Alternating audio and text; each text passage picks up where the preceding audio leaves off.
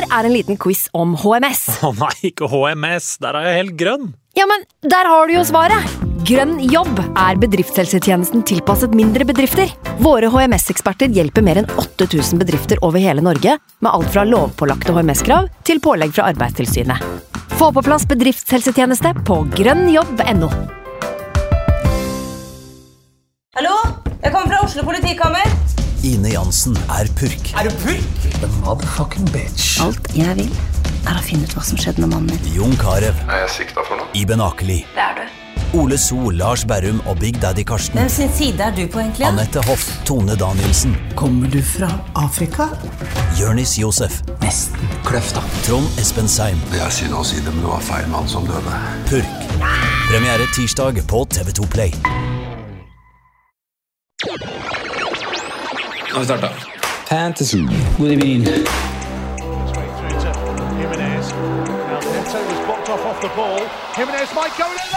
God evening.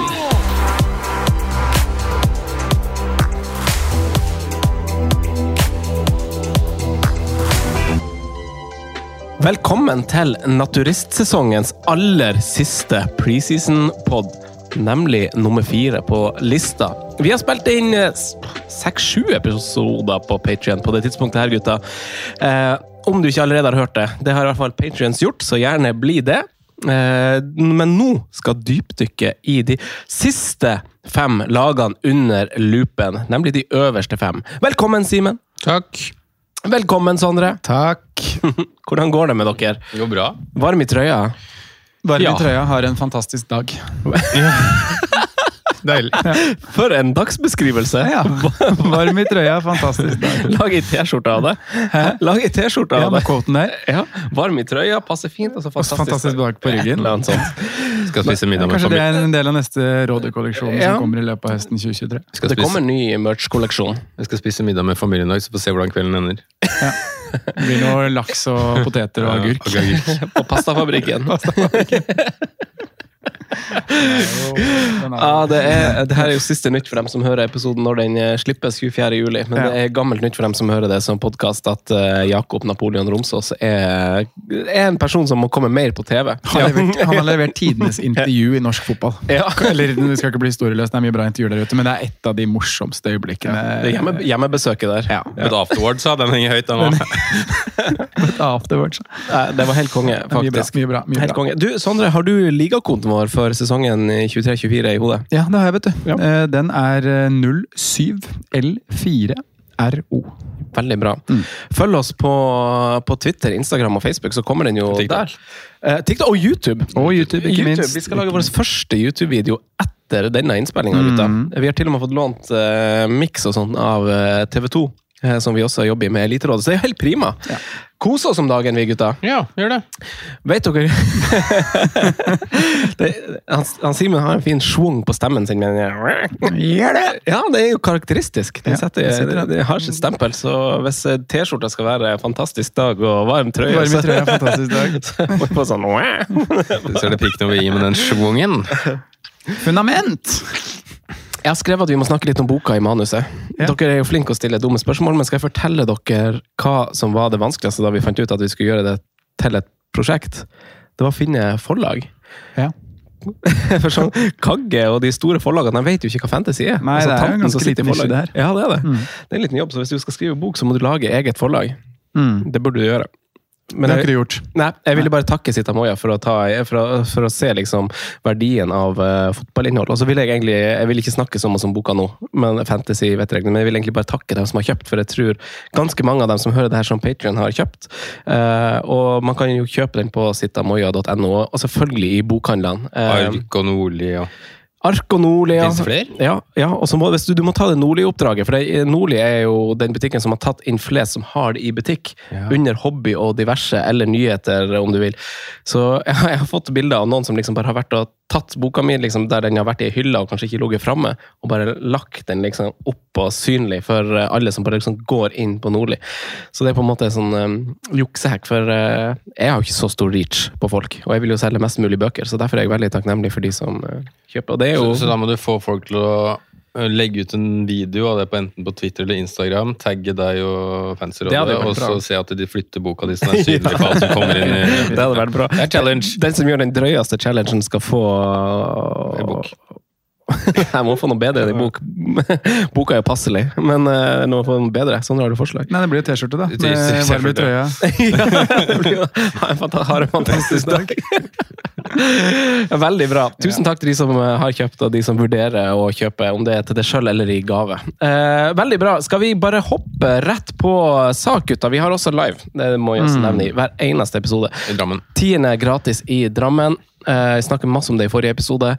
Eh, og så kommer en, det kommer en til. Både digitalt og en til i en annen by. Eh, vi har lyst til å dra til Tromsø, så vi håper på en booking der. Men nå er Ja, det indre, Oslo indre Oslofjord-turné først. Tromsø Veldig bra. Tromsø hadde vært gøy. Neste by da? Stavanger, kanskje? Ja. Jeg har aldri vært i Stavanger. Det hadde Nei, vært en bra Vi fikk jo tips på Instagram eller Twitter om liksom Si ifra hvis dere skal dit. Jeg vet om et kult sted, liksom. Ja. Så Kan ikke det kule stedet invitere oss, da? Ja, det er akkurat det her. Det her må jo folk vite. Vi har en infoepisode ute om det. at liksom, Vi har jo gjort bookingavtaler som på en måte ikke ser dagens lys. Litt som kjendiser som gjør diverse opptredener som de egentlig ikke vil snakke om, men så står de på det der eh, shady julebordet og får, får, får masse greier. Men det er altså, vi har jo også blitt booka til masse greier. Om det er workshops, Q&As eh, Fantasy-seminarer. Fantasy-seminar. Det er jo en dekkende beskrivelse av det vi har gjort. Kjempebra for sånn teambuilding teambuilding på jobb og sånn. Ja. Mm. Det har gått veldig bra de gangene vi har gjort det, og fått veldig god respons. Det var jo, vi trodde ikke at det var noe som gikk an en gang. så det er jo kreative arbeidsgivere som har brukt Mm. det. Eh, superartig! Men eh, gutta, vi hopper i det. Veldig masse informasjon her nå, men en sesong preget av skader, gutter. Simen spesielt, og varierende prestasjoner. Kanskje de to går hand i hand. Eh, Men dette kjære Liverpool, som du egentlig har sittet og sett på litt i sidesynet her, og var en grunn til at du kanskje ikke ville være med oss på lunsj i stad, men, men ditt kjære Liverpool, Simen, er først ut av eh, topp fem-klubbene. Ja, og akkurat i det du sa det, så skårte Mohammed Salah. Så det var jo en god, god timing. Eh, et lag som slet voldsomt i fjor, og det var ikke bare skader. Det er en blanding av skader, dårlig planlegging, mangelfull investeringsvilje, eh, uflyt eh, og diverse som gjorde at Liverpool ikke hadde en sesong som, som de hadde håpet på og forventa, kanskje. i hvert fall. Veldig skuffende å, å falle vekk fra topp fire, som på en måte var Kall det et minimumskrav, ut fra hvordan eh, perioden var, var tidligere. Eh, er litt sånn blanding av veldig optimist og spent, sammen med en veldig dårlig feeling på en del av tingene som blir gjort. Eh, Det er jo bare å starte med lista over, sp over spillere ut her, så er det jo Nabi Keita, Chamberlain, Milner, Firmino, Cavalio, Ramsey på rån, Fabinho og kanskje Jordan Henderson ut. Inn så har det jo kommet to forsterkninger i Alexis McAllister, som jeg per nå anser som kanskje den beste overgangen i Premier League. Eh, med tanke på pris, eh, hva du får, hva han har bevist. Eh, også verdensmester, som jeg aldri så. Syns han er ekstremt spennende overgang. Litt mer overrasket kom jo Dominic Soboslai, også en spiller som ble kjøpt ut av en overgangsklausul, som var begge de som har gjort det nå. Så Liverpool har egentlig ikke for, forhandla med noen klubber ennå eh, og kommet i mål. Det er to klausuler som har blitt trykket på eh, rett før eh, juli der. Og så er det jo et sånn Det er veldig vanskelig å si noe om den balansen i laget egentlig før man får bekrefta en signering eller to til. Og det er vel kanskje de triggerne ut da, som, som må gjøres først, for det virker jo som at eh, Liverpool ikke skal bruke penger før de selger.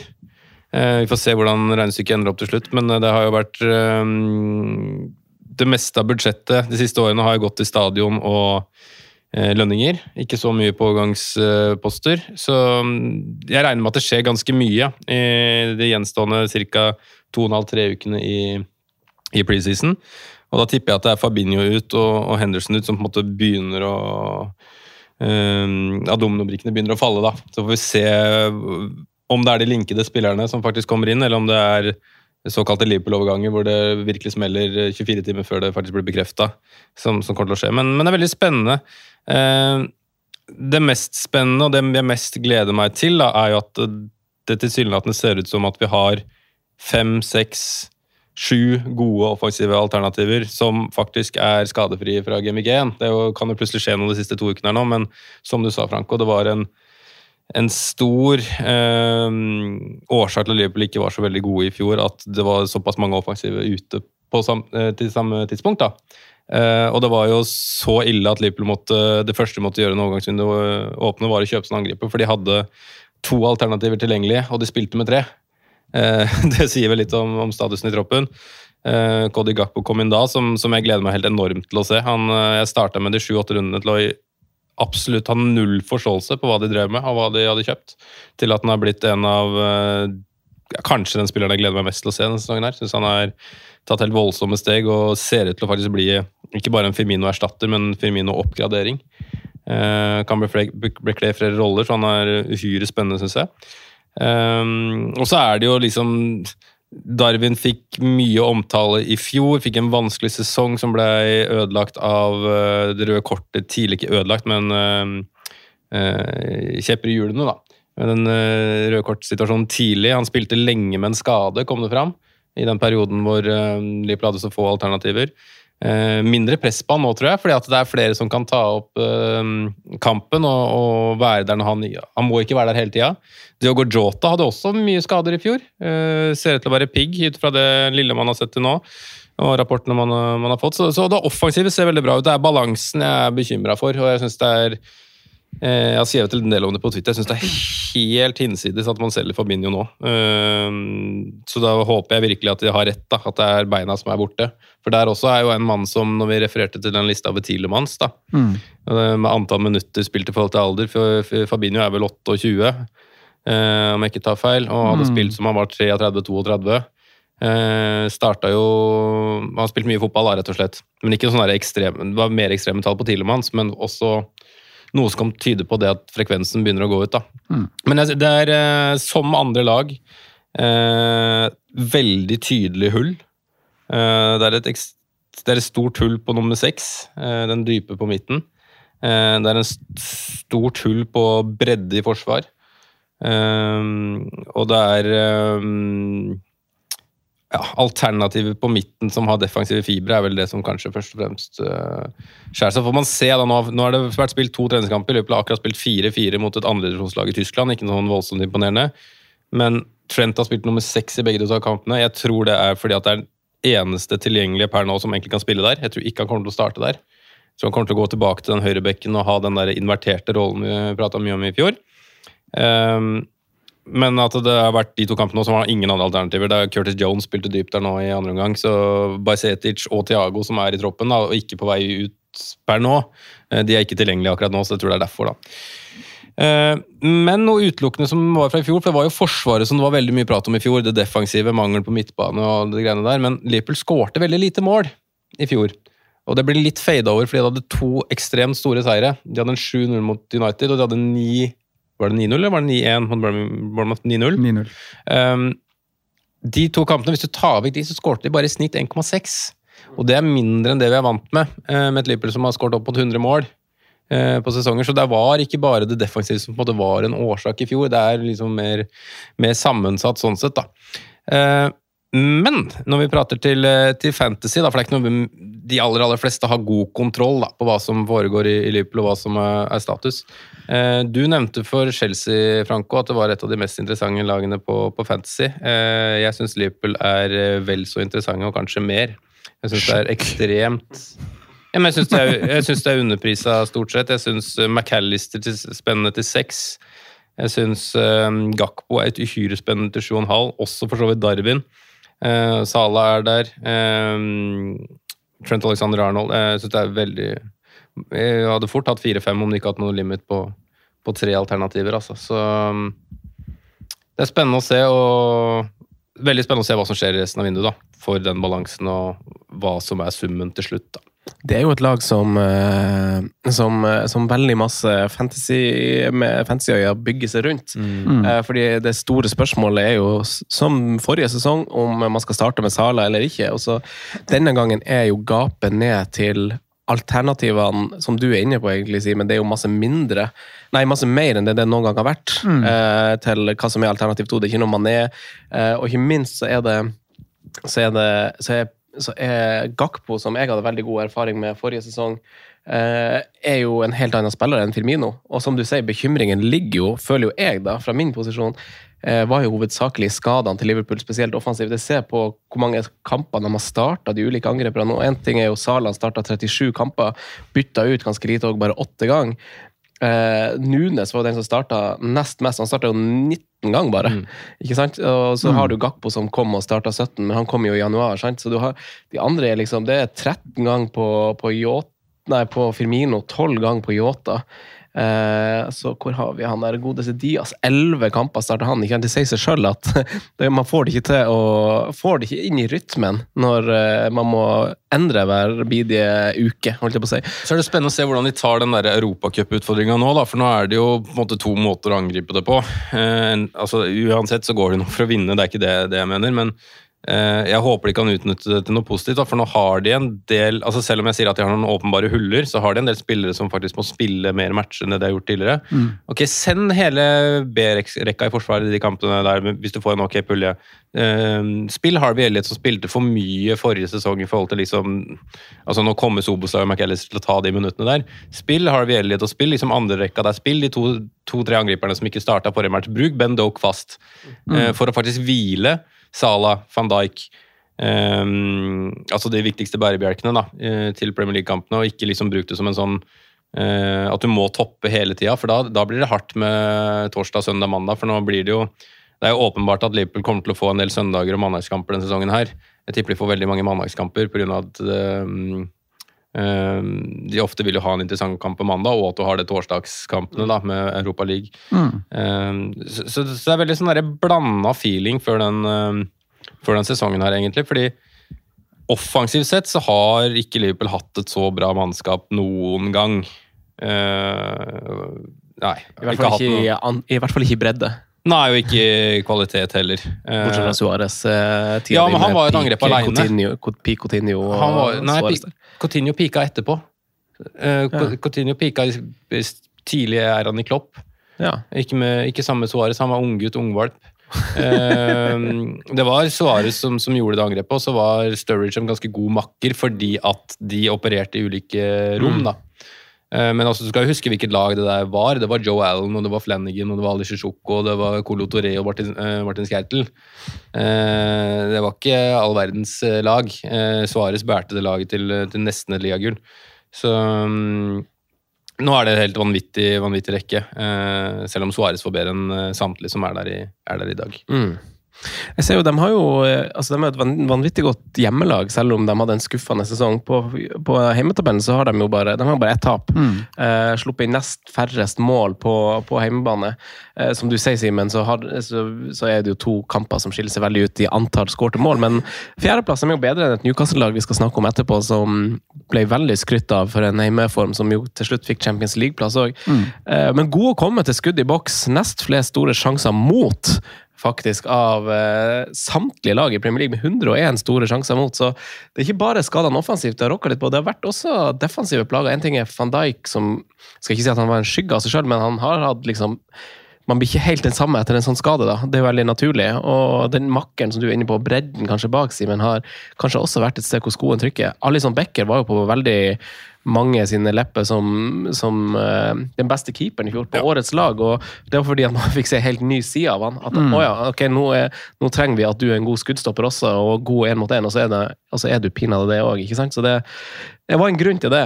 Ja, han var, helt- han var helt, uh, helt spinnvill i fjor. Eh, men samtidig så er det greit nok, det var et godt hjemmelag når man ser på det generelt, men uh, fortsatt ganske skuffa, da. Når du liksom roter Ja, bort seks kamper. Du, helt ærlig så tror jeg Liverpool har et mål om å vinne 19 av 19 hjemmekamper ganske høyt. Eh, så lander man jo antageligvis de fleste gangene ikke der, men at man eh, vinner kun 13 av 19, den tror jeg de er ganske skuffa over. Eh, selv om det var åpenbart borte som var på en måte problemet. Der var det vel en rekke på ti kamper omtrent, vel, omtrent, tror jeg. Så det har jeg ikke faktisk foran meg, men hvor det ikke dro med seg seier. Så mm, det var en, eh, en lang periode. Men liksom overordna tallene, de, de høres jo ikke så ille ut. Altså 46-17 hjemme. Det høres jo greit ut. Ja, det høres bra ut. Eh, Men uh, det er to resultater som skygger litt over, og det er skuffende de poengtapene man, man har der. Hva tenker du da, Sondre? Er du på Mo Salah, No Salah? Vi har jo det er jo diskusjonen her, da. Ja, det er den store Det er den man virkelig må ta. Jeg, kan jo, jeg har hatt Trent i alle draft og kommer nok til å starte med han ganske sikkert. Og så er det jo, er det jo Sala-diskusjonen som på en måte er den, eh, er den spennende å ta her. For det er jo, man får jo helt, helt ulike utgangspunkt man går med eller uten Sala. Og, og som det nevnes her, så er jo gapet historisk stort, kan man si, ned til, ned til nestemann. Uh, hvor jeg både har prøvd meg med med spiss. Eh, Jeg er nok kanskje litt for redd for eh, stjeling av minutter og rotta, eller sånn konkurransen eh, Darwin Gakpo eh, på topp der, til at jeg kommer til å gå for en spiss. Eh, har hatt Luis Diaz inne i eh, et par drafts. Så hører man jo også gjennom deg, Simen, at eh, Yota har vært en av de, de bedre i de preseason-kampene som har blitt spilt så langt. Så der også er det jo en litt sånn usikkerhet. Men, men igjen da, så er det, er det en del kamper igjen å, å, å skaute akkurat det terrenget på.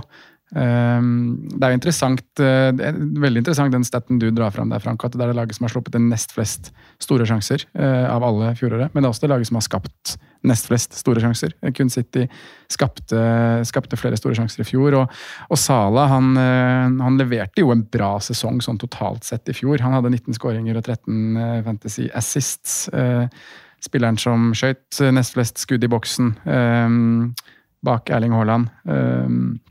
Og jeg er jo jeg er veldig der at Fra start så er jo det et veldig trygt valg å gå for, fordi man vet at, uh, man, man, vet at minuttene er sikre der. Man vet at man har en stabil poengplukker. Uh, og så er jo aspektet med at, uh, som du er inne på, da, europakjøret som skal i gang, det er kanskje et europakjør som vi slipper med Liverpool i år. I og med at de spiller i en turnering som de kanskje kan sende Jeg håper i hvert fall at de tar den approachen der, da. Altså selvsagt Si at de får en én god motstander og, og to sånne mediokre. Mm, så kan Salah hvile de kampene. Ja, så har de den gode den første, så regner jeg med at de topper den og så satser Mm. godt utgangspunkt. Men jeg håper at de generelt liksom sender et reserveprega lag, og når det heller går mot de senere rundene, at man da gønner på. Ja.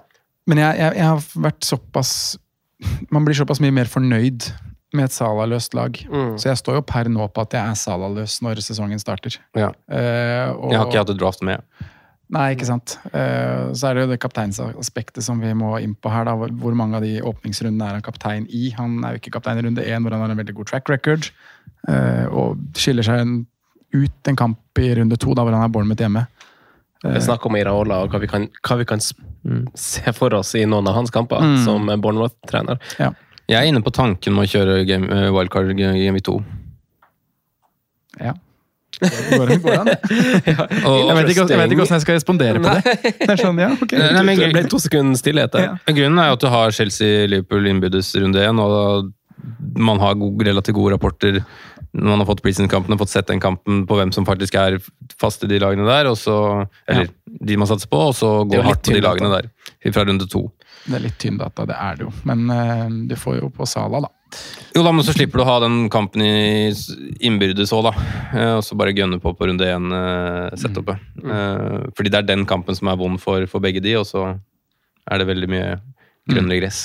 Mm. min, min tanke rundt det hele der er eh, litt sånn På et eller annet tidspunkt må det snu. Eh, da tenker jeg egentlig på Sala og sånn, og dra på årene vi snakka litt om Son osv. òg.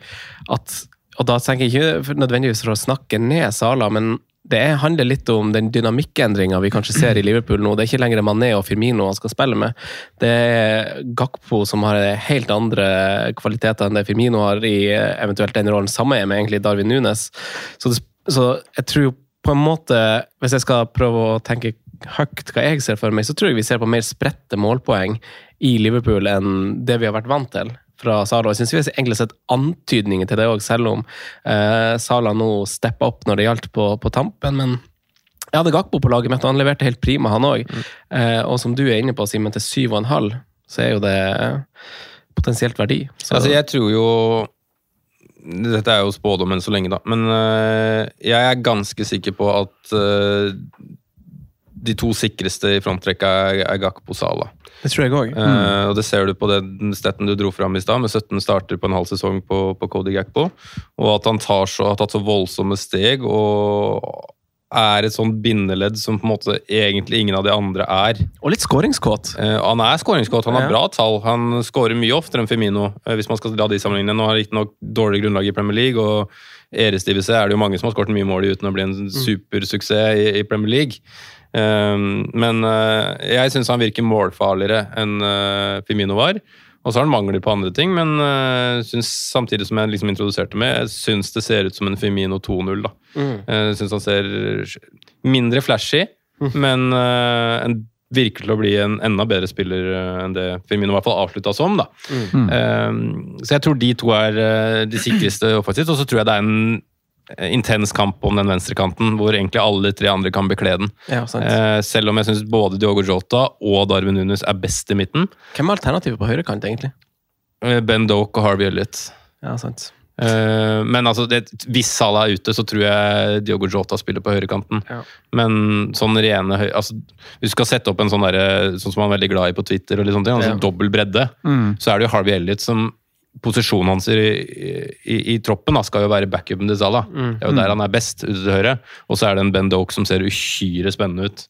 Eh, Men han er vel nok for ung ennå, men det er derfor jeg håper at han kan bli i klubben, spille alle disse Europaliga-kampene, spille Carling Cup-kampene, og så se hva dette kan bli. For han ser Han er helt annen type for øvrig, men han ser eh, så uredd ut, så eksplosiv, eh, og liten tass da, som løper rundt på sida der. Um, og så er det liksom alle de defensive problemene som vi hadde, som, og de skal, man skal ikke kimse av de, men, men det er så åpenbart hvor, de, hvor, de, hvor det trøbbelet var. da. Det var en midtbane som i fjor var helt uh, utkjørt. Mangla bein, som man ofte sier. altså De var helt borte. Du ser hvor mye altså du ser, du ser det først i fjor, hvor god Fabinho har vært. Fordi at det, det sop, ble sopt opp så mye foran det forsvarsleddet. Nå blir det mye mer utsatt. da. Og da ser van Dijk dårligere ut, da ser liksom Konaté dårligere ut. Eh, men det er fortsatt også altfor dårlig bredde bak der. Mm. ideelt sett så bør Liverpool kjøpe fire mann til. Tviler på at det skjer, men eh, det er det man burde gjort.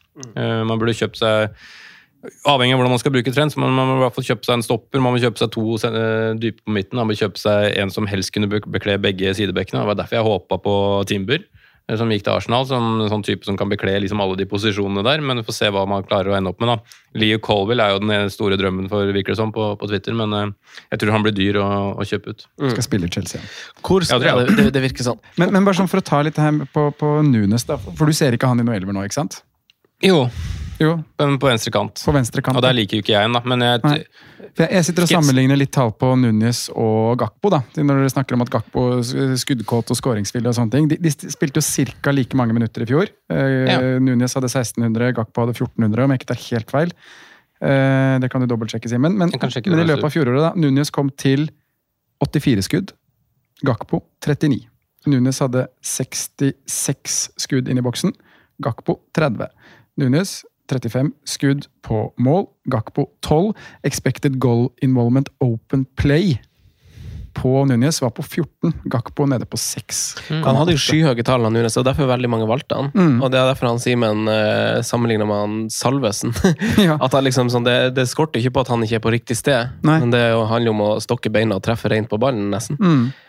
Eh, Gakpo synes jeg bare sånn en ting at, eh, Med, med skåringsgodt mener jeg liksom at på de kampene hvor Liverpool cruisa litt, eh, så virka bare liksom kroppsspråket hans veldig sånn sulten på mer. Mm. Og liksom når Yota eller hvem det var en gikk, gikk, på skudd istedenfor å slå ballen til han, så ble han nesten litt sånn sur. Sånn der, jeg vil, jeg, 'Her kunne du slå til meg, jeg vil skåre i går', Ja. liksom. At han var litt sånn. Mm. Eh, så jeg tror bare Så Men det, ja, er det er et dårligere argument i forhold til fancy med, da, men, men det er et argument også at eh, Gakpo tilbyr mye mer i på en måte spillet som en helhet. da. For Liverpool som lag så Ja. er det en passer som, med spiller som er mye viktigere og riktigere å Ja. bruke i spillestilsmessig. Han er jo bare for å ta liksom banal ting på en ting som han er ekstremt god på, bare å vende opp med mann i rygg, eller bare vende opp tverrvende og sette fart, Mm. var jo helt ekstrem på til tider. Mm. Jeg vet ikke hvor mange gule kort han pådro seg på at han liksom bare vendte opp og at, Forserte, ja. et, ja, forserte, ja. og at anker måtte bare klippe ned, liksom.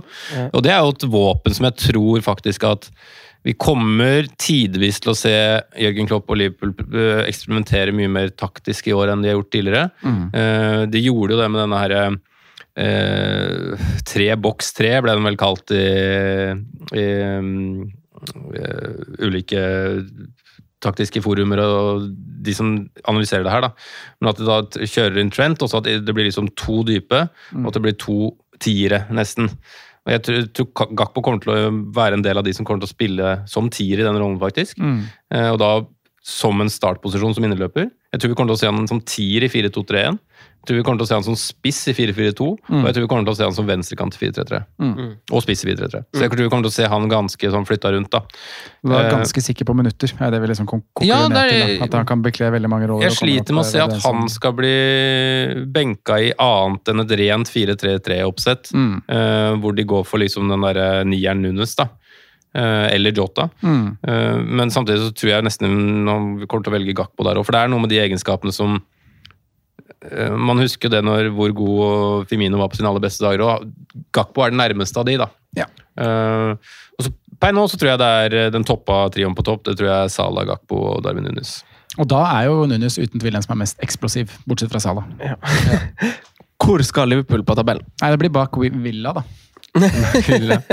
Ja, Simen vet ikke jo, han, liksom, han er litt sånn eh, Litt sånn som han Simen er av og til. Litt sånn forsiktig. Mm. eh, med, med, så vi kan, ta, kan jo ta han Simen til slutt. Hva, hva tenker du, Sondre? Vi setter dem på topp. Ja, jeg er med deg på det. Vi må jo det.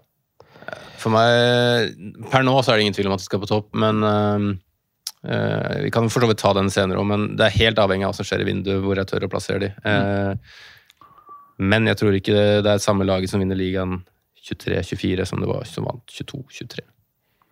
Liten teaser der. Da går, tar vi litt pause, og så er vi tilbake.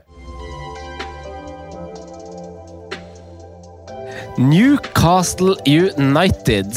Ja, United. denne skitne gjengen skal eh, kvitte seg med snurrebassen Saint Maximin for å rydde litt opp i FFP, altså Financial Fair Play. Få litt orden i sysaken, rett og slett.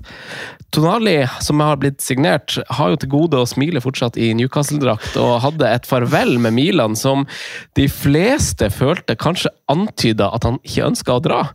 Det var, det var avslutta med et uh, 'forhåpentligvis vi ses', og ikke et farvel. Uh, og Milan har uttrykt at uh, alle spillere har en pris. Tenk å, tenk å dra fra Milan til Newcastle. Ja. Verden er syk. Verden er syk. ja. Eh, hvis jeg hadde vært fotballspiller, så hadde jeg vært så mer, masse mer opptatt av klima enn hva, hva, hva mange av de folkene Enn hva godeste Tonali er. Ja. Ja, ja, han, men han tipper jeg jo er litt opptatt av det òg. Så skal han opp dit. Nei. Eh, nei, men bra blir det nok. Jeg tipper, jeg tipper han er en kjempegod eh, spiller, og han fyller nok, eh, fyller nok en rolle der helt utmerket. Harvey Barnes er den andre signeringa klubben har gjort, så vi kommer fortsatt til å plages med han. Han kommer inn til seks og en halv. Eh, med Newcastle så og med denne episoden så har jeg gjort det litt annerledes. Jeg har lagt til rette for at vi må liksom reflektere litt høyt etterpå. Så jeg tenkte jeg skal banke gjennom litt stats, og istedenfor å ta en sånn taktisk eh, analyse og gjennomgang, og sånn, så har jeg på en måte tatt med litt, litt stats som jeg syns er, litt nøkkel for dem, og lest dem opp eh, litt sånn og sånn. Og så har jeg noen liksom, diskusjonspunkt til dere gutter etter det. Uh, Newcastle hadde nest flest skudd i boks, med 417. De hadde også nest færrest mottatt i boks, og slapp jo sammen med City inn færrest mål. Kun 14 innslupne hjemme, som også er nest best. Veldig gode tall der, Newcastle. Eh, Callum Wilson er jo ja, Han kan jo være en plageånd hvis, hvis du er uheldig, men han var altså involvert i 54% av Newcastle sine skåringer da han spilte. Tre av dem var på straffe, eh, og han spilte kun 21 kamper fra start. Og så er det Kieran Trippier, som veldig mange har vært raske med å egentlig avskrive som et alternativ pga. pris. Og så er det viktig å påpeke at han har den prisen av en grunn. Han har høyest expected goal involvement over sesongen med 12,59 av alle forsvarere. Han hadde flest innlegg av forsvarere og 140 flere cirka enn nestemann på lista, som er Trent Alexander Arnold, med sine 393 innlegg. Spinnvilt. Fader, det er masse! uh, han var også han var også den eh, forsvareren som skapte flest sjanser med sine 110. Dette er, som vi minner om årlig, eh, inkluderer dødballer. Altså all leveranse fra hans side som resulterer i avslutning. Det kan være ei støttepasning til eh, ja, hva er det slags hodeløs fyr de har på midten som kan skyte fra 30 meter? da? Bruno Gumares. Et eller annet sånn. Han er ikke så hodeløs, det var et dårlig eksempel. Men eh, ja, Eh, nå blir det Harvey Barnes da, som, eh, som skal skyte på, på alt. Eh, men Altså, det, For å sette et lite bilde på det, så har Trent skapt flest store sjanser av alle forsvarere, f.eks. Og det, det, der har jo Altså, han går jo over Trippier der, så selv om han har veldig mange flere generelle sjanser, så er Trent skaper mer viktige sjanser. Og så har vi eh, mannen som vi nevnte i en innspilling da jeg satt på den franske riviera, og du på Makarska-kysten, Sondre, og han Siven på Carl Berner-toppen der. Så snakka vi om eh, Sven Botman som kanskje den mest eh, underprisede spilleren på spillet. I hvert fall i Forsvaret. Mm. satt litt på spissen, men det må man gjøre av og til. Han hadde sjuende best baseline bonus av samtlige forsvarere sesongen som gikk. Trippier hadde best. Han hadde også sjuende flest avslutninger i boks av alle forsvarere. Hvem tror dere hadde flest? Avslutninger av forsvarere. I boks, ja. Pinnock. Nei. Skjer. Skjer er riktig, etterfulgt av Tarkovskij, Mi van Dijk, Skyter litt langskudd òg, vet du. Skjær. Luring. Ja, van Dijk Gabriel Magalais og Perisic. Så det er veldig mange, mange stoppere der som, er, som siktes på på dødball, og Botman er en av dem. Eh, Jeg, ja, jeg, jeg, syns den differansen mellom han og Skjer jeg, jeg skjønner jo at den er der, men den er veldig rar. den er veldig rar. Altså, Skjer har jo helt bananas eh, gode tall. Helt ja. sjuke tall. Og han smeller jo inn et langskudd i løpet av sesongen, Ja. så det forsvares den. Eh, så jeg tenker at Botman han bør med i tilfeller hvor du ikke wildcarder innen første landslagspause. For fra og med runde fem så spiller du Newcastle-spilleren inn. Finnes det tilfellet? Ja, det, det finnes et tilfelle hvis du er heldig med de tre vi, altså, La oss være ærlige, vi rakner på et tidlig wildcard. Ja, ja. Eh, men hvis du liksom eh, Litt som vi snakka om Brighton i forrige episode. Hvis du treffer Mm. eh, på, på spotten av den tredje Brighton, da, men den, i dette tilfellet Botman, og det går bra de tre-fire første rundene, og du ser for deg at oi, jeg vil jo spare, kommer til å måtte spare wildcardet, eh, så er det jo helt supert å ha han i troppen din, for du, du kan begynne å spille han. Eh, så det er jo et supert, eh, et supert valg og kommer til å bli det. Så det er jo timing som har veldig veldig mye å si. Som lag så skapte Newcastle fjerde mest store sjanser hele sesongen med sine 81, og de hadde nest færrest store sjanser mot. Eh, det er litt spennende på midten også, ettersom Ettersom vi så en oppsving, kanskje spesielt i perioder, både med Willoch, Almiron og Joe Linton, som, som hadde sine faser. Så har vi Anthony Gordon, som ble servert, servert signert, og ble kåra til turneringsspiller for, eh, for England i U21 i sommer. Ikke alle som var enig i det, men tittelen er nå uansett hans. Eh, Spissene eh, har kanskje har kanskje egentlig Jeg skal ikke si blitt prisa ut, men i hvert fall blitt en sånn vent og se til 7,5 og 8 med Alexander Isak på 7,5 og, og Callum Wilson på 8.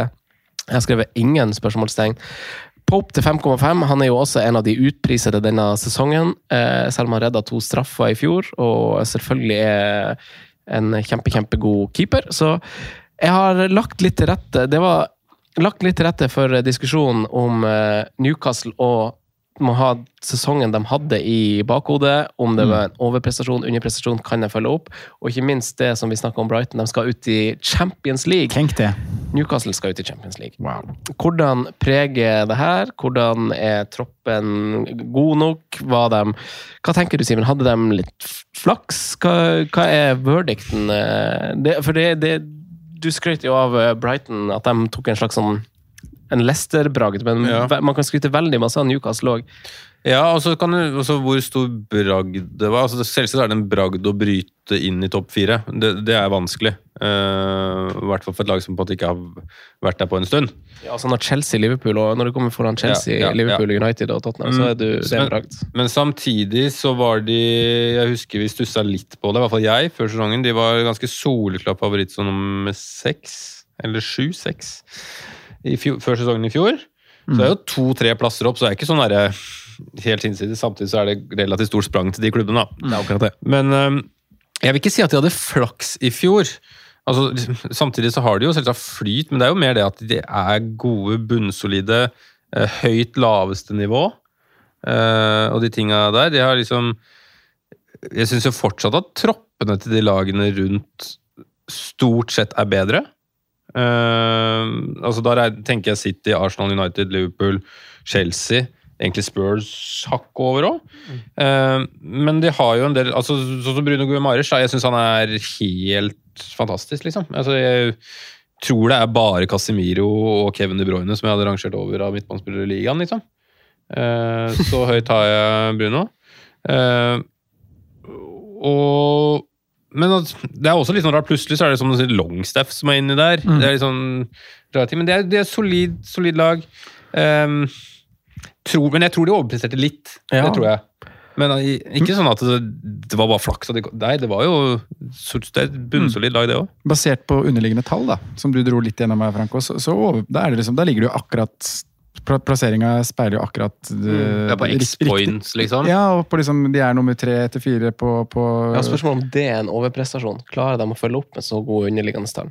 Når de i tillegg Ja, det er jo et annet Altså, har, eh, har enkeltspillere eh, levert til det maksimale, da? Og vil de få litt slitne bein når de skal ut og konkurrere i Europa og, og Jacob det, det er jo Murphy et må eh, spille veldig ledende spørsmål, for ja, det kommer de til å få. Ja. Nå er det en turnering til å ta hensyn til. Men, eh, men jeg syns jo de skal ha veldig skryt for eh, liksom, det, måten de har håndtert det å plutselig få veldig mye midler. For jeg Mm. signeringen signeringene Newcastle har gjort Vi var jo veldig redde for at nå skal de bare gå helt eh, bananas, og de første spillerne som var linka dit, var jo Det var jo Mbappé og det var jo Haaland og det var jo milliardsummer, ikke sant. Men så har de Jeg syns de har henta veldig bra, da. Sven Botman, klassesignering. Bruno var kanskje rett før pengene kom inn, for så vidt. Men også de signeringene de gjør i år med med Tonali, som jeg tror han blir bra. Han er en god fotballspiller, har vist det i Serie A og Milan. Eh, Men ikke minst Harvey Barnes òg, tror jeg er, eh, er en kjempe, kjempegod signering. da. Kommer fra en, eh, en sesong i Leicester hvor han skårer 13 mål for et lag som rykker ned. Eh, Og vi vet jo at han har, har kvalitetene til å mestre, mestre ligaen og kjenner den godt. Så, så der skal de jo ha skryt. Ja. Men, men er, han, altså, er han god nok når du sammenligner med hva de andre klubbene har? Altså, kantspillerne til eh, United, Mm. eh, kantspillerne til Tottenham, Liverpool, Arsenal. Jeg syns sånne ting er utrolig vanskelig å si. eh, fordi at du jeg, jeg, jeg mener han jeg mener hulla under. Ja, ja. Ja, ja du, du må gjerne si det, men så handler det litt om å slå unnifra òg, og kjøpe, som Sondre kanskje du antyder med at de handler smart. At du eh, Litt som vi snakka om Westham, og at man må handle spill, riktige spillere Ja. som kommer motivert og sulten for å spille for det laget de blir kjøpt til. Mm. Eh, og det handler ikke bare om individuelle ferdigheter og mer meritter. da, tenker Jeg Jeg tenker spillere som kan blomstre og bli en bedre spiller i klubben, er vel så viktig. Mm. Så jeg tenker også at Harvey Barnes har jo åpenbart et sånn uforløst til en viss grad potensialet. Det er masse stang ut og masse Mm. Sånn drit med han òg. Ja. Så det er sånn, eh, jeg tenker at det kan være altså Det kan fort bli kjempegod signering, egentlig. Og jeg er helt enig sånn, på papiret så er det åpenbart liksom kneppe under eh, altså Rashford, Saka, alle, alle de her. Eh, men det kan fort Jeg skal ikke si at det kan snu, men at han fort kan melde seg på. Jeg mener at det er liksom et helt riktig valg av Newcastle å gå for de spillerne der, Mm. fordi at de kan bli de spillerne. Sammen Ja. med, sammen med han um, Anthony. Anthony, ja. Ja, for det er jo nesten nestemann som man kan si det Mm. om, som er prisa til 5-5, som jeg også syns er kjempespennende prospekt for den sesongen som kommer. Mm. Men det er et godt spørsmål, Simen. Ja. Ja, fordi at med, med en Wilson som er aldrende, det, var vel, det nevnte du vel litt. Uh, men du, mener det tror jeg, sorry. Eh, Samme det. Ja, og, og, og en Maximæ som er på en måte på vei ut. eh, så vil jo antydning være at liksom en del av de minuttene går jo til Murphy og Barn, som ikke begge. At de spiller på en måte mye mer Og Jacob Murphy var jo også en av de som spilte seg litt opp plutselig. liksom Ja. Høyre wingback tidvis. Nei, det var han ikke. Det var jo Trippier. Hvor var han men, men, spilte? men det tror vi jo ikke på. Almiron ja, ja. jeg tenkte. Det er, jeg føler det er de tre kantene som skal dekke to posisjoner nå. Barnes, Almiron og Gordon. Ja. Eh, hovedsakelig så så vil vel både Gordon og Barnes holder seg til venstre. Gordon er vel litt mer fleksibel enn Harvey Barnes, Mm. som er veldig klassisk venstrekant. Og så har du jo Almiron, som for så vidt også kan be- bekle venstre, men som er best til høyre. da. Mm. Um, Mm, absolutt. Min Ja. eh, siste oppgave som vi må snakke litt om, er jo Trippier. Eh, som var spilleren vi spilte uke inn, uke ut eh, sesongen som gikk. Og så hadde han et ganske stort tørke en periode hvor man begynte å selge han for å finansiere andre ting til, til dobbeltrunder, sånn, sånn som man jo gjerne gjør. Men altså, sesongen under ett eh, Man kan trygt si at han har fått en prislapp han fortjener, eh, men eh, er det kampprogrammet her, kanskje? For vi har snakka om Aston Villa. Eh, Chelsea og Aston Villa er lagene jeg hittil velger å, velger å notere som de to mest spennende lagene av de vi har vært igjennom hittil. Mm. Jeg møter dem i første kamp, og så følges det opp med, med City borte, så Liverpool, så Brighton borte. Mm. Er det det som kanskje gjør at man på en måte Det er en ganske enkel Dodge. Jeg har slått meg litt til ro med det. At jeg kan eh, fint stå av Trippier i den perioden der. Eh, men så kommer det jo da, som du, som du sier, da, hjemmekamp mot Brentford i, i runde fem, før det er Sheffield United, Burnley, Westham, Palace, Wolverhampton. En, en kjempefin rekke. som- Botman-tida. Botman-tiden. Botman-tida, men det kan jo fort også være dobbel bak tida. Hvis man Mm. ser at det er samme nivå på de defensive tallene som i fjor, hvis de holder nullen som i fjor, og hvis Trippier fortsetter produksjonen som i fjor, så, så vil jo han til 6-5 i det kampprogrammet der være en som blir høyaktuell. Mm. Men jeg har på en måte slått meg til ro med at det går fint å stå av de første fire. Simen, hvor skal vi ha Newcastle på tabellen? Ja, det er også, altså, Den tabellen her er jo vanskelig å spå, da. Um, jeg tror på en negativ sesong i mm, forhold til kurven. da, eller hva man skal tro. Jeg tror ikke de klarer å matche sesongen som var. Jeg tror ikke de kommer til å ha en bedre sesong, så, så vi skal ned, nedover på tabellen. Mm. Uh, I tillegg så er jeg ganske overbevist egentlig om at ett lag som er bak de, kommer foran, og jeg nesten så jeg er gira på å ha et par til foran der. Um, eh, hvor var det vi plasserte inn Brighton? Vi plasserte den foran Chelsea. Mellom Chelsea og Tottenham, var det Ja. ikke Vi venter endte på mellom. Så de er på en foreløpig fjerdeplass, da. Vi har eh, Liverpool, Aston Villa, Chelsea, Brighton, Tottenham. Jeg er usikker på om jeg vil ha de foran eller bak Spurs. Det blir en sprek tabell. Ja, men det er gøy, det. Mm. Jeg er helt enig med dine argument, Simen. Spørsmålet er bare hvor, jeg, hvor langt ned Ja. jeg vil sette de. Foran eller bak Spurs er jeg på. Ja, jeg er nok foran Spurs, inn bak Brighton. Nei. Jeg har den bak Spurs. Ja. Ja, jeg blir med på den bak Spurs. ja, da blir det det. Da skal de ganske langt ned på tabellen i år. Mm. Ja, Madison skal hjelpe Tottenham. Den skal ikke havne så langt ned. Aston Villa syns jeg egentlig har et bedre lag. Skal ikke ut i Champions League. Den skal spille Europa. Bedre lag enn Newcastle? Nei, nei, det er feil å si. Jeg syns de har kjøpt bedre spillere. Ja, tro Forsterka på. seg Ja, mer. Ja. Ja. Og hadde en så god vår. Jo da, men det, er tålmodigheten i, tålmodigheten i Newcastle sånn på eiersida, da, når de lunker ned på en sjette-sjuendeplass? Han begynner å få litt motvind der. Mm. Nei, det tror jeg går fint et år, men um, altså, hvert fall hvis du kan få noe positivt ut av Champions League, poeng. og kanskje Det kan jo bli en sånn sesong. En sånn typisk sånn der, der er Newcastle liksom der, Oi, de gikk videre i Champions League, men de ligger liksom kave på 8.-9. i Premier League, liksom. Og så er det viktig for dem å gå videre. ja, Du skal sant? ikke se bort fra at de havner i en pulle som det er overkommelig å komme seg videre i, i, i gruppespillet, Mm. men så tror jeg det er ganske fort ut når du kommer til et sluttspill. da. Men det er jo helt avhengig av Altså, Du ser jo et par av de Champions League-vinnerne som har vært tidligere år. De har fått en ganske lett reise til eh, finalen. da. Vi har tre lag igjen, gutta, som eh, vi skal bevege oss videre til. Først en liten fot i bakken. Vi får se om det blir eh, flere boter på han Simen. For de som har hørt første episoden, så er det bot for hver gang han sier Sheffield. Men det gjelder oss alle. Men det er han Simen som kommer til å si det. Så det var Bot. Det, det, Oi! Fistbumper du han Sondre for den der! Den får du ikke for. Oi, oi, oi, oi. Den satt og venta på. Den satt og ventet på. Eh, Men vi fikk jo et par hundre kroner i kassa bare første episoden med det. 150. Eh, Og det samme blir det. Ja, 150 Nei, på Baran Simen. 200. 200. Ja, ja, Eh, Men prosjektet til Erik, det har fått bein å gå på, Sondre, syns jeg. Erik, ja. Ja, jeg har troa på det. Klokkertro. På fornavn.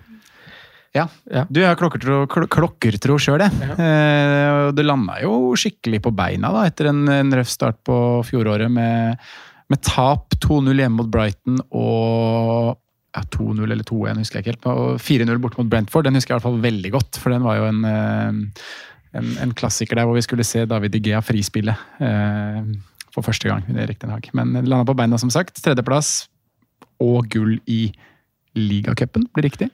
Eh, Så totalt sett en veldig bra sesong, og jeg har også, som du eh, sier, Franco, veldig troa på at eh, det her prosjektet, som vi liker å kalle sånne ting, skal ta ytterligere steg kommende sesong.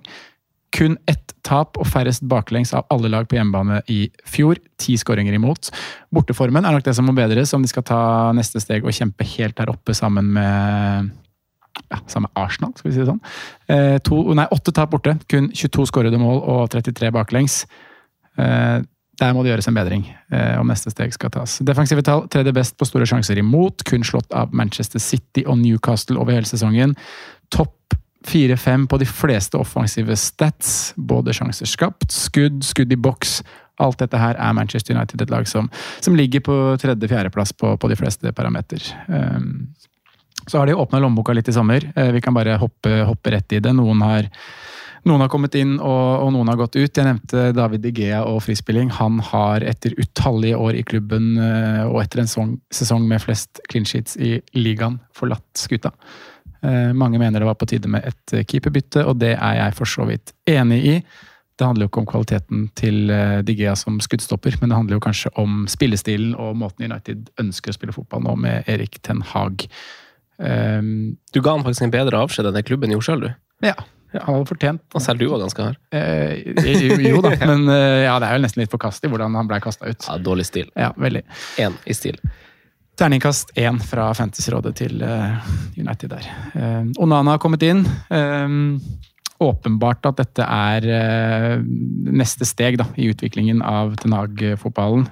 I fjor hadde laget 53% ball, og jeg er ganske sikker på at med en keeper da, som klarer å være litt mer rolig i de frispillingssituasjonene, og som er litt bedre teknisk og taktisk, og for så vidt, enn det Digea var, så, så kommer den prosenten på 53 til å øke i år. Jeg tror de kommer til å merke det ganske betraktelig, at det, uh, i flere faser av spillet så kommer de til å til å klare å beholde ballen.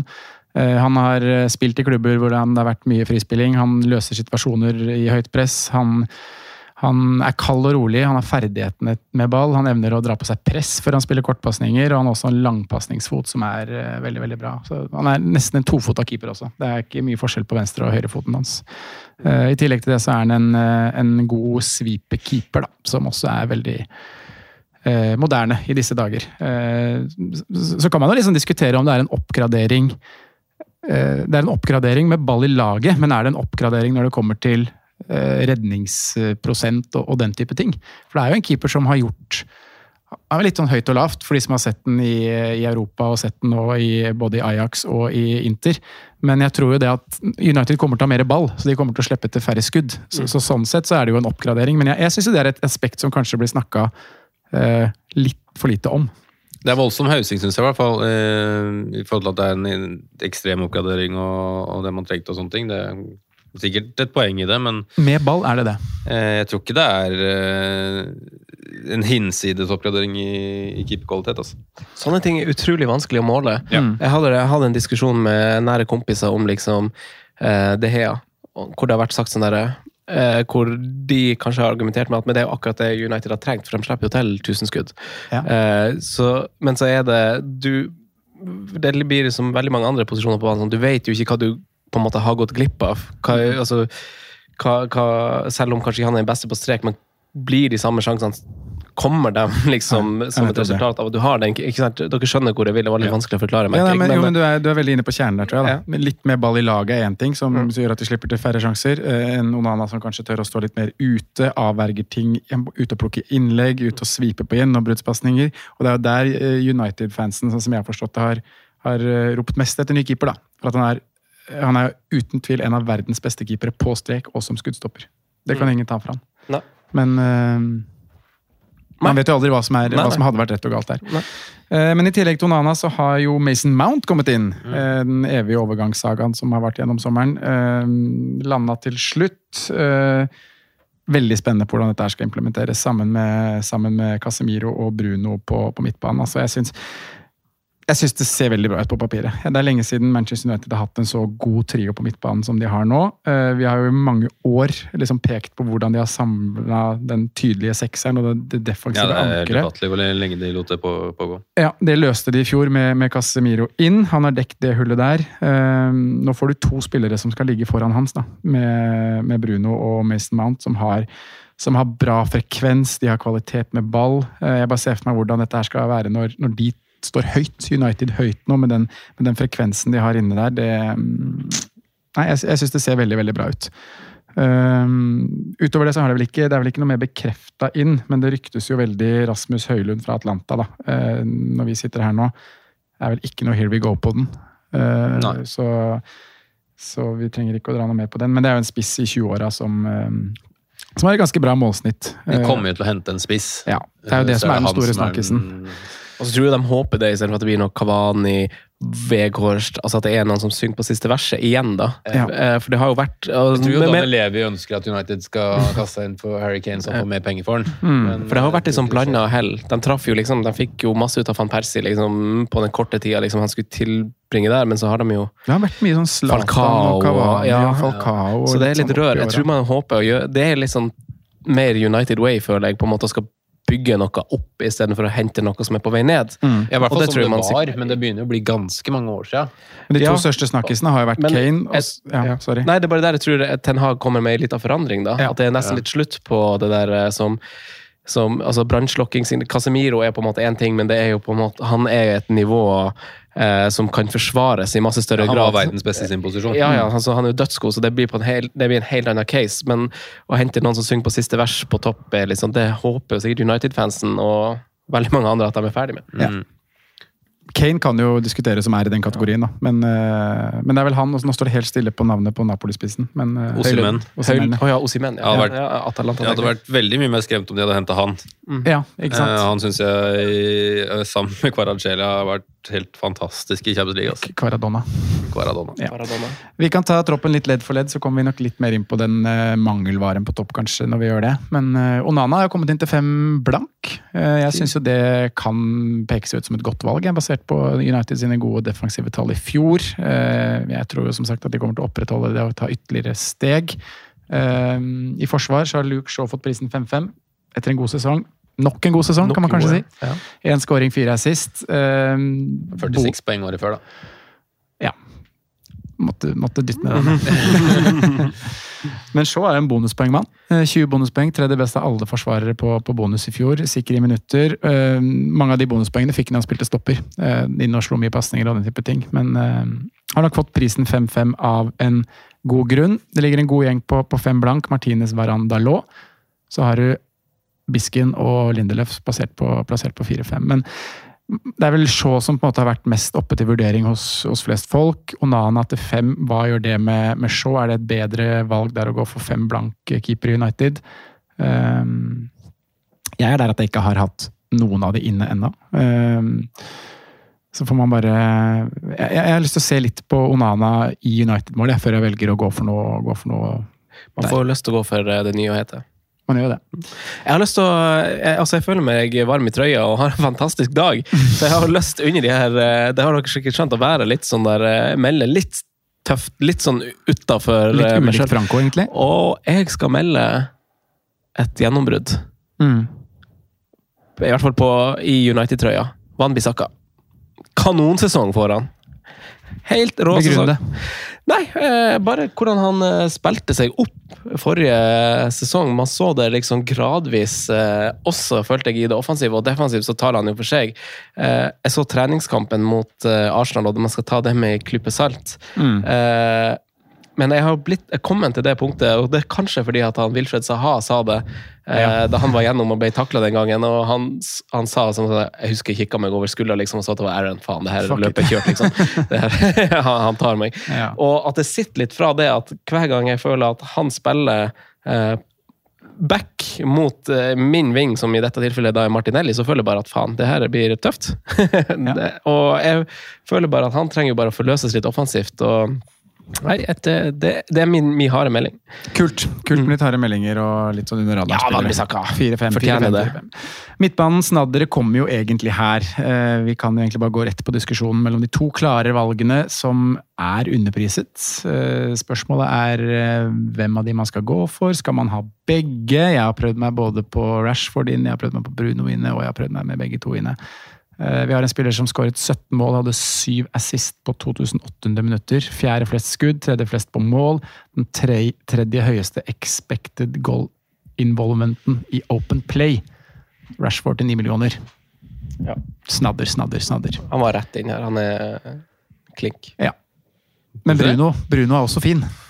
Bruno, hvorfor Rashford? Jeg syns han er klink.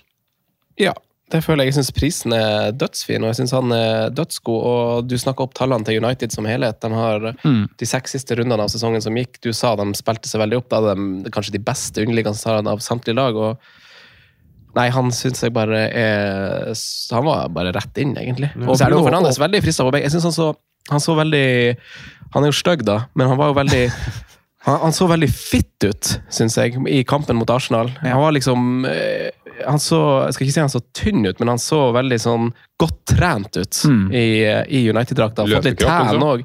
Nei, løpekroppen han er ikke så tynn, men han bare så godt tre atletisk og trent ut. Ja.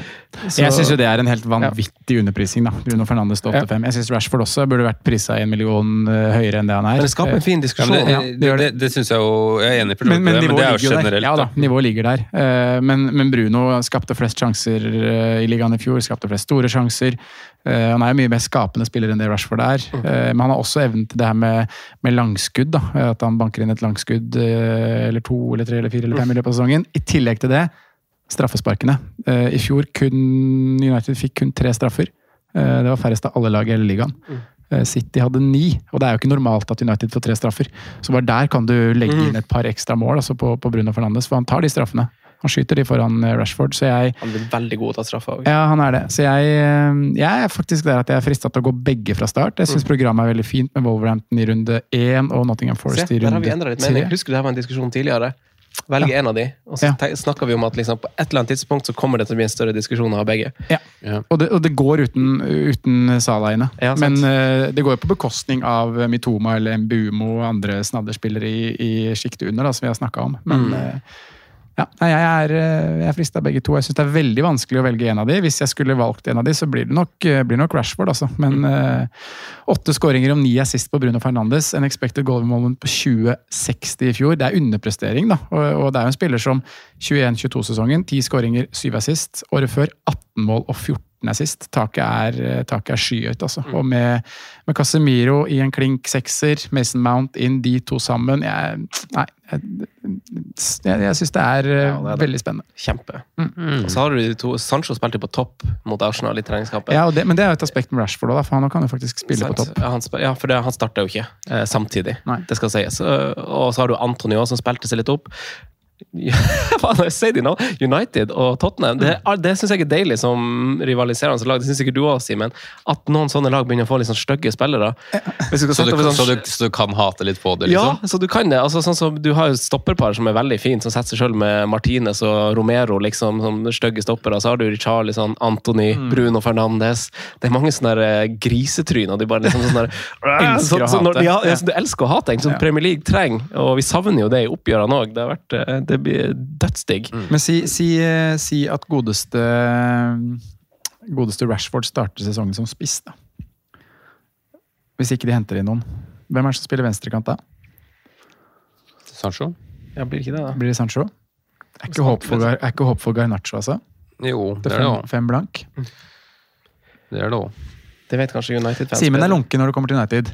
Jeg er ikke nødvendigvis lunken, men jeg Hvordan er fundamentet i Litt United? molefonken.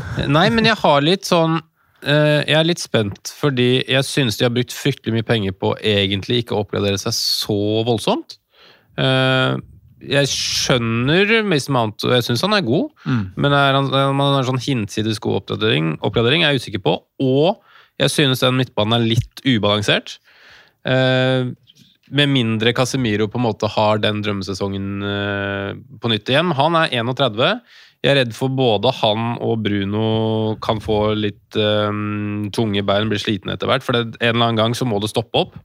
Uh, Bruno er også veldig høyt på disse minuttene og de greiene der. Han spiller jo alt hele tida. Uh, aldri Mm. pause. Så jeg er redd for at de to og en ubalansert midtbane uh, kan være en liten sånn fallgruve. Jeg syns backupen deres er eh, Nå har jeg hørt masse om han derre Jeg har ikke sett den selv, da. Cobby Maino. Jeg hørte han var veldig bra mot Arsenal. Mm. Eh, plutselig får du et gjennombrudd der som, som øker bredden deres. Men for, se bort fra han, for han visste jeg ikke noe om, så syns jeg den bredden på midten ser fryktelig eh, tam ut. Og i hvert fall hvis de skal selge Freddy i tillegg. Da er det liksom Donny van de Beek som er eh, Scott, er. Scott McDamoney som er neste. Ja, men han er jo grunnen til at de kjøper Mason Mann, for han ikke var god nok. Mm. Jo da, man er en Eh, squad player, på en måte. Så, jeg, jo- jeg del syns ikke den eh, balansen er sånn supergod. Så er det jo selvsagt uh, Fram til de får seg en spiss, så er det jo et mangel der, men det, det ordner de seg, så det er jeg ikke så bekymra for. Men om man slår til med en gang, er jo noe annet. Mm. Eh, I hvert fall hvis det er en 21-åring danske. 20? 20. 20. 20-årig danske, så er det er spennende. spennende. Um, Ja, det er egentlig, egentlig det. Stopper, på, stopper Forsvaret er eh, bra, det. Um, kanskje ikke like optimistisk med tanke på Van-Bissaka, men uh, syns Forsvaret isolert sett er, er bra, altså. United har et kjempebra forsvar Ja. på papiret. Um, men der også er det jo tynt, da. Med, med, så hvis Varan, som sliter mye med skader, uh, skal, skal- skal gå ut, da. Så jeg, jeg er mest bekymra på den balansen og midtbanen, om det faktisk holder Casemiro å ha to røde, tre røde i fjor. Så Ja. sliten ut til tider, samtidig som han var veldig god i inntoget sitt. Så jeg er litt redd for at beina begynner å løpe fra han, altså. Og jeg frykter at det også plutselig smeller på Bruno Fernandes. Så det, det er liksom bekymringene jeg har for sånn Mm. toppsesong. da. Jeg syns egentlig ikke de er så sykt styrka fra i fjor, som jeg syns veldig mange andre lag ser styrka ut. Men jeg, ja, det, det, det er et motargument, men jeg syns bare at, man, at United har runda et slags hjørne med å gjøre som jeg var inne på i sted, gjøre masse sånn drit. Sånn tøysete ting. At nå er de ferdig med en sånn rot, og nå har, er de kommet til et punkt at de kanskje ikke trenger å hente sånn supermange. At det ikke det det handler om. Det handler om å bygge på det de gjorde denne sesongen, som ble veldig veldig bra. Sånn Spillemessig det må være kjempeunderholdende å se på igjen. Eh, nå henter de Mason Mount, som jeg tipper kommer til å bli eh, en god spiller for dem, og som er veldig sånn passe identiteten ganske fint òg. Ja, sånn relativt anonym, ja, gjør ja, jobben Ja, altså sånn der, engelsk og virker som på en måte Han er ikke sånn der uh, James Madison, en sånn der fyr som liksom er på fylla. Sånn en ryddig gutt du får, liksom, som er til å stole på, tror jeg. Så God gammeldags hel ved. ja, det tror jeg. Så jeg- nei, jeg har eh, dessverre litt trua på United. Og hvis vi skal hoppe til tabelltipset, så har de jo øverst av laga hittil. Ja, det har jeg òg. Wow. Hvem er øverst hittil? Har vi er Liverpool øverst nå? Liverpool, da. Ja. Men uh, ja. Ja, jeg er det i hvert fall under Liverpool, men øhm, jeg lurer på om jeg kanskje har det under Chelsea òg. Men det er vanskelig å Har vi Jeg har ikke Chelsea øverst engang. Nei. Nei. Og hvis du har de under Chelsea, så har du de også under Tottenham. Må du huske. Så jeg vil ha du de Jeg vil åpenbart ha de under Liverpool, da. Men, øh, men ja. To mot én. Vil Ja. Så du ville ha plassert dem under Liverpool? Ja, ja. ja. Ok, så jeg har, vi har dem over. Da Ja, dem over, da. Mm. Eh, kan ikke du ta, ta de før vi hopper til, eh, til neste lag? tabellen. Ja, ja. I, hvert fall, I hvert fall de fem, Nå eh, øverste. To lag igjen, og vi står med en, eh, en Sprek tabell. sprek tabell, og Luton har rykka ned. ja. Veldig bra. Da tar vi en liten pause, og så er vi tilbake.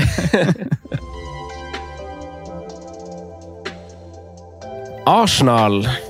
Mitt Arsenal, gutta boys. Det er bare å være lutter øre. Jeg har bare skrevet, skrevet, skrevet litt greier. Veldig masse er åpenbart, så jeg måtte gjøre ei lita vinkling her. Uh, Arteta har fått uh, sine menn. Rice, Havertz og Timber er inne, som kjent. Eh, Med det så har eh, klubben kjøpt både forventninger og forhåpninger eh, fra fansen, så det blir et lite press som de må følge opp og de må levere. Og det tror jeg jeg føler meg ganske trygg på at de kommer til å gjøre i aller høyeste grad. Og som supporter av Arsenal så er det utrolig deilig å sitte og se at man igjen er konkurransedyktig som lag. Den dyreste spilleren Arsenal benytta forrige sesong, var Ben White. Eh, han kosta 50 millioner. De er tilbake til, uh, til det kanskje jeg og du, Simen, og kanskje United-supportere som Altså vi tre supportergruppene som egentlig må slutte å krige mot hverandre på, på pengebruk og sånn, som egentlig må rotte sammen må, mot, uh, mot Chelsea og City, som er klubber som egentlig har tjent pengene sine sjøl. Man har et nedbetalt stadion nå som gjør at man er og et godt fundament, ikke, minst. Man bygger innenfra, og nå er man der at man supplerer litt utenfra. Eh, og tida hvor en stor andel av egentlig ut, altså egenutviklede spillere kanskje er forbi, eh, så ser vi gjerne litt romantisk på det. Jeg skulle gjerne alle oss hatt en ny Class of 92-historie, men eh, jeg er der at jeg vurderer saker Martinelli, Smith-Roe, Ødegaard, Ramsdale, Gabriel, Saliba. Alle de her som er liksom moderne, liksom lik historier. Spillere som enten er utvikla i klubben, eller som ankom til en pris som kanskje sunn fornuft etter hvert tilsier at det her her så dere et eller annet som ikke alle så, og dette passa veldig bra. Eh, og ikke minst spillere som kanskje også har blitt bedre etter de ankom klubben, og kanskje til og med ble stilt noen spørsmålstegn til da de ble signert. Eh, det var ikke veldig veldig mange som skrøt av eh, Ramsdale og Ødegaard-signeringer. Og vips, så er man her, og så snakker man om Arsenal som tittelkandidater fordi man har de spillerne. Så vind snur, gutter og jenter. Denne sommeren er første sommeren hvor Arsenal handler fra øverste hylle på utrolig lenge. Spillere de har henta, har vært linka til Madrid, til München, til Manchester, men faktisk endt opp i Nord-London. Det er litt sånn man tepper seg litt på skuldra, for det er ganske sprøtt. Declan Rice han har jeg ønska meg helt siden forrige sesong, Sondre, da vi satt i fotball-TV. og skulle lage årets lag der lenge før han ble linka til klubben. Så for meg så er det en slags sånn drøm som går i oppfyllelse, og han kommer til å bli dødsgod i Arsenal. Det tror jeg er veldig lite tvil om. Det er få som bare sitter og sier at det, det der blir dårlig.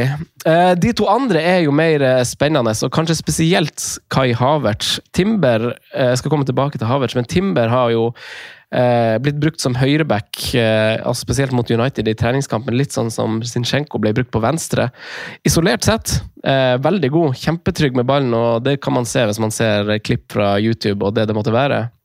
I den rollen mot United så, så, så skaper det noen dynamiske endringer i Arsenal som er tegn på at man åpenbart skal trene inn en plan B i sommer, at det er en slags plan Arteta de har. fordi Saka for eksempel, blir mye mer alene. Eh, med White på høyrebekken så hadde han alltid selskap.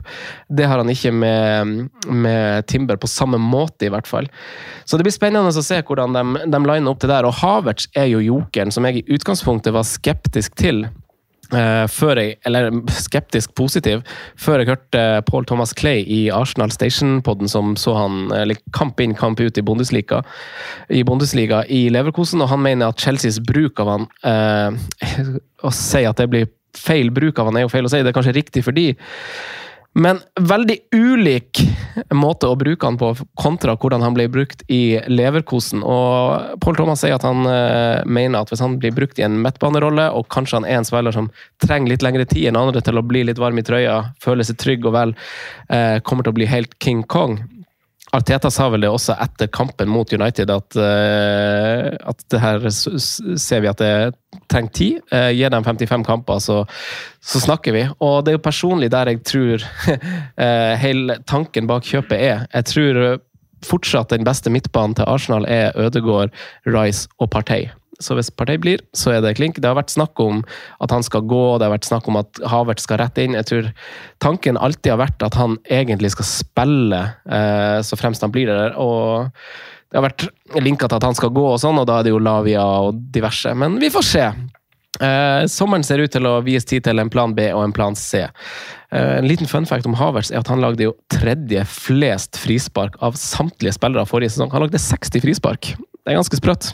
Da lager du jo uh, mange frispark i snitt, da. er det at det bare går i offside, eller? Nei, det, det, det er nedrivning. Det er jo et frispark der. Ja, det er jo det. Jeg vet ikke om det gjelder. Det er typisk sånn nedrivninger på kontring imot og sånn. Ja, ikke nødvendigvis negativt, det. Uh, så Caicedo og Joe Linton er det ene som har flere uh, frispark imot. Mm. Forsvaret svingte jo som kjent forrige sesong. Etter Saliba ble skada, klarte ikke Arsenal å fylle hullet der nevneverdig bra. Det resulterte i et stort fall på defensive, defensive statistikker. De slapp til en del store sjanser, og fikk etter hvert flest errors leading to chance. Eh, Riktignok så hadde Saliba faktisk tre av de, i hvert fall rent statistisk, men de har 15 totalt.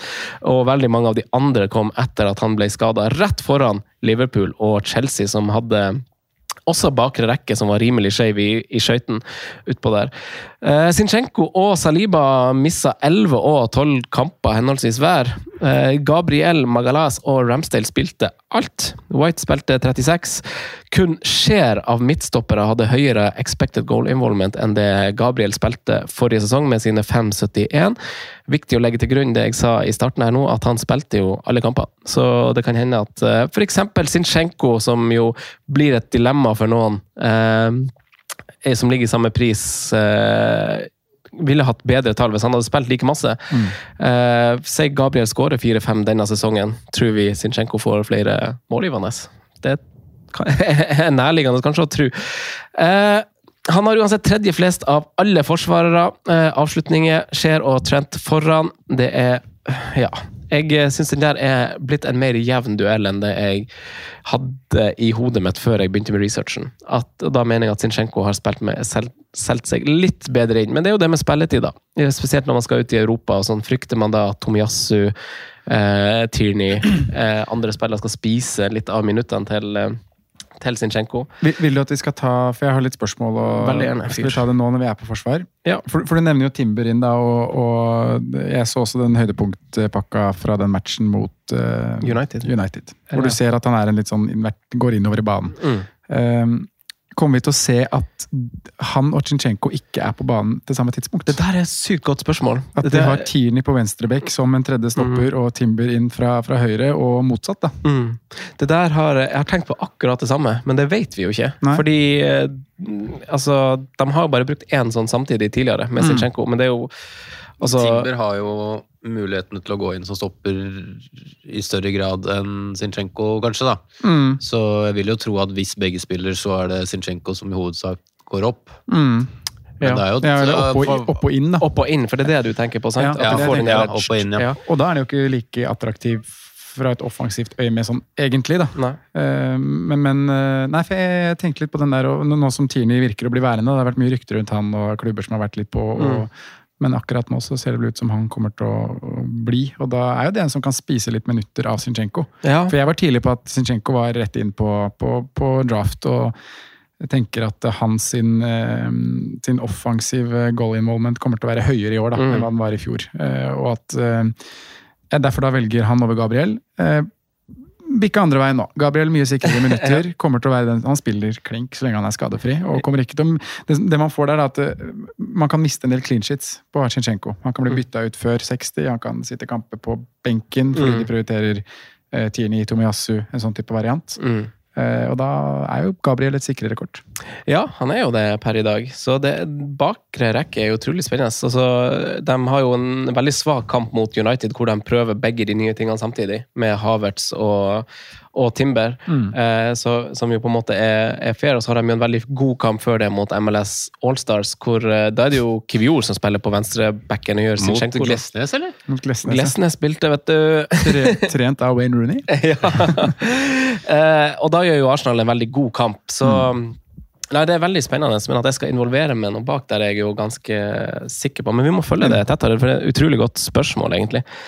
Um, midtbane, da. Arsenal har tre spillere egentlig med gode underliggende tall fra sesongen som gikk. Fire om du inkluderer det hele offensivet under ett og legger til Jesus der. Ødegaard han starta 37 kamper, det samme gjorde Saka. Martinelli han starta 34 kamper. Ødegaard han ble bytta ut i 23 kamper, det er veldig veldig masse. Men Saka og Martinelli ble bytta ut henholdsvis 14 og 18 ganger. Så spørsmålet er jo om Trossard, Havertz, en frisk Emil Smith-Roe nå fra et godt mesterskap, og ikke minst Nelson, som jo er veldig sånn under radaren. En type folk som ikke er supporter av Arsenal, tenker liksom nei, han er ikke noe konkurranse. Men han har signert ny langtidskontrakt med Arsenal og er, har ei veldig høy stjerne hos Arteta, av årsaker som vi sikkert bare ser på treningsfeltet og i holdninger. Eh, så det er ingen riktige svar, føler jeg, på på hvem du velger. og Så er det, så Saka tar jo straffene som vi har. Eh, vi litt usikkerhet hvis eh, Jorginho er på banen, riktignok, men og så er han i veldig mange ikke de håpestraffene til Nei, eh, spar meg for det. ta, ta saka, ta det. men, men han, er, han var ganske anonym, syns jeg, i, ikke nødvendigvis mot United, men i Allstar-kampen. Men så er han liksom bare virkelig i Saka? de riktige posisjonene. Fikk ikke han noe sånn eh, trofé for Man of the Match? Jo, jo, jo, jo men han er bare sånn... var ikke han som fikk det, vel? Han er bare sånn der... Var det ikke der de gjorde en feil? Å ja, var det det? Han Havertz. Nei, Saka fikk et eller annet Man of the Match. Å uh... oh, ja, det gjorde han kanskje. Ja, det, hva tenker du på det der Også, med, med, med Mambalogun? Ja, hva var det for noe? ja, det er jo amerikanske reportere som sier når de liksom sitter i studio mens de liksom overlapper i sånn scene sånn Vi skal ned til Onfield-reporteren som skal snakke med Man of the Match, Kayo Saka. Og så sier reporteren sånn ja. Kayo Saka, og så ja, Balogun som står ja, det er tynn suppe, altså. Men, men, eh, det er jo midtbanespillere her som er som er, kommer til å spise masse tid av hverandre med Champions League, ikke minst. Eh, og Trossard, som har fortjent veldig masse, for han er god hver gang han spiller. Så det, det interessante, synes jeg, med, da jeg titta på tallene, er jo altså Ødegaard han er jo den spilleren i Arsenal som skyter mest, mm. men eh, det er jo fra distanse også. Men det interessante med, med midtbanen generelt, altså f.eks. Saka og Martinelli, så overgår Martinelli Saka i skudd Altså minutes per shots, per shot in the box, per touch in the box, per expected goal involvement og per expected assists. Mm. Hvis jeg ikke tar helt feil, eh, hvis jeg ikke har skrevet feil i minuttene her. Så han, han, er jo masse mer involvert. Ikke masse mer, men han er mer involvert enn eh, han Saka i underliggende statistikker når han først spør, men, spiller. Men når vi snakker om sånn som vi snakka om i Toma i stad, eh, og gode spillere å være i riktige posisjoner, så er Saka han er tryggere, og han vil være i de riktige posisjonene oftere. Mm. Uh, Martinelli han stikker seg jo masse mer ut, for han er jo Saka er jo også flashy, men Martinelli er mer flashy. Han stikker bare nesa ned og så beina han. Uh, og det er jo veldig artig å se på. Så jeg gir egentlig grønt lys på alle tre, men man må jo sjøl være varsom. med Saka er jo trygg, altså jeg kommer til å starte sesongen med han, men jeg er jo også, som med United, frista til å gå to på midten. Men kanskje... Ja, da er det ikke mange plasser igjen, hvis vi skal Nei, ha fire fra United så derfor, og kanskje, derfor kanskje Gabriel Jesus er vår mann. Dersom vi ser på de samme tallene, så har jo Jesus de beste tallene i Arsenal. Eh, av spillerne som spilte mer enn 20 kamper fra Mm. start. Eh, og det, som, det som på en måte Det er veldig vanskelig å si, veie sånn opp imot, men du snakka jo om midtbane og angrepsspillere og forskjellige poeng de gir. Spisser har jo egentlig bare De har jo bedre BPS på skåringer. Altså de har kalkulering av BPS er liksom kalkulering av det som gir bonuspoeng. Eh, så de får på en måte 24 BPS for eh, ei scoring, mens midtbanen får 18. Så de har bedre der, mens midtbanespillere får jo fem poeng for scoring, spisser får fire. I tillegg får midtbanen clean shit-poeng. Begge får tre for assist. Så man vil jo aller helst ha i gode lag midtbanespillere Mm. som på en måte har flere strenger å spille på for å få de her smulene, også brødpoengene. Mm. Så Nei, det, jeg er veldig på, på Arsenal, egentlig. De er, møter svake, svake forsvar i starten av sesongen, eh, som jeg eh, føler jeg har lyst til å angripe. Eh, Pelles borte er jo en, er jo en seig kamp. United runde fire kan bli liksom typ 2-2, men runde én og tre er superfin for Arsenal. Og vi, vi, vi snakka litt om liksom, frykten for å gli, gå glipp av Salah. Sala kapteinspoeng, men man kan jo også vurdere Arsenal-kaptein hvis man virkelig liksom skal gå bort fra Haaland noen gang. Så det er et interessant lag. Sondre, hva er dine tanker? Nei, jeg skal involvere meg, ja. Ja. Jeg skal det. Jeg kommer nok til å ha tre fra start, det er jeg ganske sikker på. Eh, og som jeg nevnte i stad, så har jeg jo glidd mer og mer over fra Chinchenko til Gabriel, da. eh, som en i det i det bakre ledd der, men jeg, jeg er også frista liksom til å, sånn som du sier, da, kunne gått med to midtbanespillere og eh, Gabriel Jesus. Og mm, jeg ville jo at, litt i dag at vi skulle diskutere nettopp eh, Martinelli versus Saka, for jeg syns jo eh, jeg syns jo på mange måter det står mellom de to. Jeg synes jo Ødegaard, du, du drar jo fram litt stats som faktisk viser at Martin Ødegaard Han leverte godt i fjor, men det var, det var fortjent. Han, han er den som skyter mest av Eller Saka skyter vel for så vidt litt mer enn han, men han, men han har eh, Nei, han skyter mest av alle spillere. 93 skudd. Eh, og har den høyeste expected eh, goal involvement av alle de Eller av de tre gutta der. Så, så at han kan følge opp sesongen sin, ja, han kan det. 15 skåringer er mye, men han, han har en rolle i Arsenal nå som gjør at han, han, han kommer inn i boks og, og kan skåre mål. Men, men jeg synes jo den her, det har vært veldig mye snakk om minuttene til Martinelli opp mot eh, Saka sine minutter. Eh, Og det er liksom grunnen til å gå Saka. Og der må man jo legge inn Trossard i miks. da, at Hvis Trossard skal inn og spille, så kommer nok han mest sannsynlig til å stjele minutter av Martinelli, for han trives best på venstre. Men eh, det var ikke stor forskjell på det i fjor, altså. Nei. 200 minutter. Ja, sant. Det er ikke så masse. Så, men Saka har straffene. Men Så- ja, Og så kan man se litt i spåkula at man mistenker kanskje litt større varians Mm. denne sesongen. Ja, ja, ja. både og, føler jeg, da. Jeg, jeg er jo avhengig av skadesituasjonen og fitness og alt sånne ting som man ikke kan forutse òg, da. Men Men dekninga på venstrekanten er mye bedre enn på høyrekanten. Mm. Eh, liksom med, med Nelson og Trossard spesielt. Men det er Nelson også det som kanskje gjør at Martinelli ser mer eye-catch Eller han får de små hvilene han trenger her og der, da, som Saka ikke gjør. Og tilbake til den lista som vi så på med minutter og, og, og spilletid basert på alder, så var jo også Saka veldig høyt. Han har også spilt ekstremt mye fotball de siste årene og ikke hatt noe pause. Så det- Du snakker om tunge bein, og han er Saka enda ung, da. Men han kan også være en spiller som Nå har han fått en sommer med hvile, men som har fått mye belastning. Ja, det er jo ikke sikkert han får en karriere til han er 30 pluss, på en måte. Nei. kan hende at han slokner tidligere enn enn andre, men eh, Det er irrelevant nå. eh, jeg tror ikke det skjer med det, med det første, nei. Nei. Eh, Saka er nok en av de som er aller mest nailed på mitt lag. Mm. Eh, kanskje mest, faktisk. Eh, Syns den er eh, altfor underprisa, rett og slett. Mm. Men eh, er nei, for meg så er det egentlig ikke en duell. Altså. Det er, Saka er nailed på alle lag. Ja. Ja. Det, er jo, det er jo prisen er litt sånn det er, Jeg helt enig, det er gunstig. Det er for at det er spredte poeng blant, eh, blant de fire da, på, på topp i Arsenal. Det kommer det sikkert til å være nå òg, men jeg tror han kommer til å være involvert i brorparten, egentlig. Ja. Altså, tror jeg kanskje Jeg tror Ødegaard for eksempel, kommer til å roe seg litt. Ja. I hvert fall med antall skåringer. han skåret 15 mål, eller noe sånt. Betraktelig, tror jeg faktisk. uh, men også er det, det er kanskje litt sånn flåsete sagt, da. Men jeg, jeg føler at Saka leverte sånn cirka hvor god han er, på en måte. Og så føler jeg at Mm. både Ødegaard og Martinelli egentlig overpresterte, hadde en vel god sesong Mm. i fjor. Eh, Jeg tror det er, det, det er ren spådom. Jeg tror det er eh, mye større sannsynlighet for at Saka kopierer det, enn de, enn de to andre. Men jeg har Jesus enda mer ned i laget mitt enn Saka. Ja, du har det? Ja. ok. Jeg har, Jeg det, har ikke Jesus på andre drafts enn de der Gameweek 1-draftsa mine. Nei. Jeg har begge to. Ja. Jesus og Saka. Og Ja, jeg har jeg, kommer, det jeg, kommer til å starte med begge. Så det er liksom vurderinga om man skal gå Gabriel eller Martinelli. Om man skal gå all out attack Arsenal Ja, nå eller ble jeg forvirra. Gabriel Martinelli. Gabriel eller Ja, ja. Martinelli. Ja. Eh, Men jeg, sant, det er 18, 18 målpoeng på 2000 minutter, og de tallene som du refererte der i stad, det er jo Mm. en god prestasjon. Han har jo ikke en historikk med veldig masse skader, men han hadde jo en eh, solid en i fjor. Mm. Så det er jo, han er viktig for Arsenal òg. Så um, vært veldig god egentlig i preseason òg, faktisk. Så Men der tror du ikke altså Hvis jeg tenker på rotasjon og, og, så, og sånne ting, da. Eh, jeg ble jo veldig optimistisk når Arsenal kjøpte Kai Havertz, for jeg trodde de skulle bruke han på topp Mm. eh, og spille over Jesus. Så skjønte jeg at den skal brukes på midten, og da blir jeg mer bekymra igjen i forhold til den der balansen og de tingene der som vi prata om sist. da. Men um, Siemens fundament du tror, ikke, du tror ikke både Havertz og Balogun for, for, for eksempel kommer til å stjele minuttet fra, fra Jesus?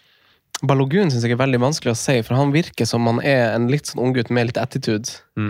Eh, som er litt sånn Som går nå og sier at 'nå vil jeg spille', eller så må dere selge meg. Jeg vil ikke lånes ut igjen. Ja, hva tror du Arsenal tenker? da? Tror du tenker han egentlig som et sånn Jeg han- salgsobjekt som bare skal selges på mest mulig penger? Jeg tenker godt han kan cashe inn på han, faktisk. Finne på det. Eh, og så blir Nketia blir jo backupen. Mm. Fant han igjen. Hvem er det som er på han igjen? Det er en eller annen som jeg hørte var linka dit og var veldig gira på han. Palace? Oh, ja. Har ikke de vært på Balogun, da? Det var er kanskje bare min villeste fantasi, det. Så det har vært en drømmeovergang. Ja. Det er jo spennende spillere dere nevner. Så det, nei, åpenbart så kommer det sikkert spesielt med Champions League og sånn, at eh, Jesus blir masse bytta ut også når han spiller. Så jeg tror jo, når vi kommer til september, at det blir mye 70 minutter av typ. Mm. Jesus til Nketia der, ja, hvis Balogun går. Ja. Ja. Eh, Det tror jeg det blir. Party til Havertz. Havertz ja, men jeg føler meg ganske klink på ham fra start på grunn av liksom to av de tre første kampene, egentlig. Ja. Enig. Jeg er også det. Mm. ja, det er jo den første som skinner der, da. Eh, som ser veldig, veldig veldig fin ut. Mm. Og så i hvert fall når et par av de andre lagene som du kanskje vurderer eh, konkurrenter opp imot, har en ganske tøff match, da. Ja, Liverpool, Eh, Tottenham, Chelsea Ja, Niklas? Jackson, Cody Gakpo, egentlig. Ja, ja, sant. Eh, En kunku. En kunku. Jeg syns bare Jackson så så bra ut i highlights-bakken og sånn. Eh, Blant annet en må- målet til Mudrik er jo en fantastisk link-up. Chelsea, vet du, Simen. Fantastisk lag. Ja. Chelsea? Mm. Ja, på papiret har det helt sinnssykt lag. Blomstre. Har de det nå? Ja, Ja, okay, ja. men de har store mangler. De har sinnssykt lag. Det kommer jo ikke til å fungere med så mange nye Skal, der, skal, skal vi plassere Arsenal på tabellen? ja. De skal jo skal inn på Skal topp. de over, skal de over United? Jeg vil ha de foran United bak Liverpool, jeg.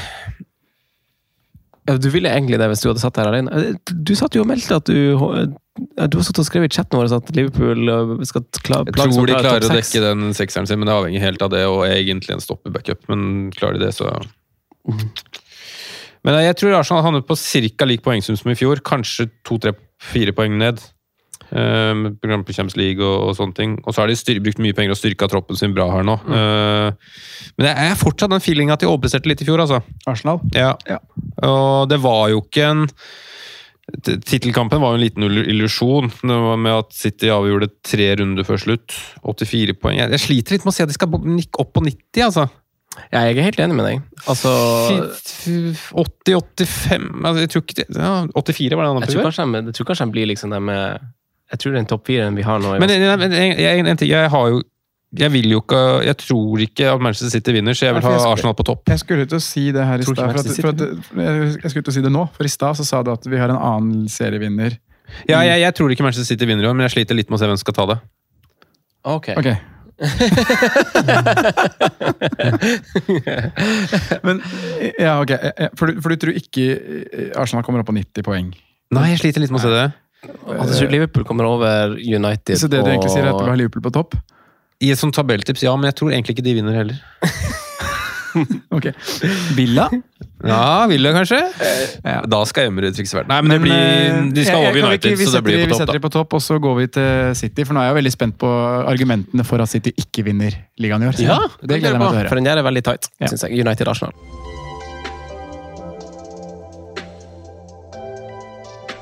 Da skal vi til eh, Manchester City, laget som eh, kanskje vi tror kommer til å gi oss noen varp denne sesongen, Mm. hvis man skal følge Manchester City og Pep sin eh, skole. Eh, Sondre, nei, Simen, det er dette laget, ikke Sondre sitt. Hvilket varp vil du ha? Nei, altså, jeg tipper jo bare litt sånn som så. Litt sånn bare sånn som Det er så mange spillere som går ut, og så er det liksom Pep som tar så lang tid med å lure. Plutselig spiller Sergio Gomez venstreback til Ja, fire blank der. sånn. Og, jeg tror bare Jeg tror det er noen spillere i City som vi ikke ser for oss akkurat her og nå, som bare kommer liksom til å være sånn Han Pep bestemmer seg for at ok, i dag skal han spille Nå skal han spille fast i år, og så skal han Ederson ut, og så skal han Ortega stå i mål, og så skal han uh, Jones spille OMS, Sergio Gomez venstreback. Hva mer vil dere ha her? Skal vi se, Kovacic, kanskje falsk nier. Oscar Bob, høyrekant. Oscar Bob Har han fått pris? 4-5? McAtee og, og Doyle der skal inn etter gode utlån i eh, Sheffield United. Skal inn og spille sentralt.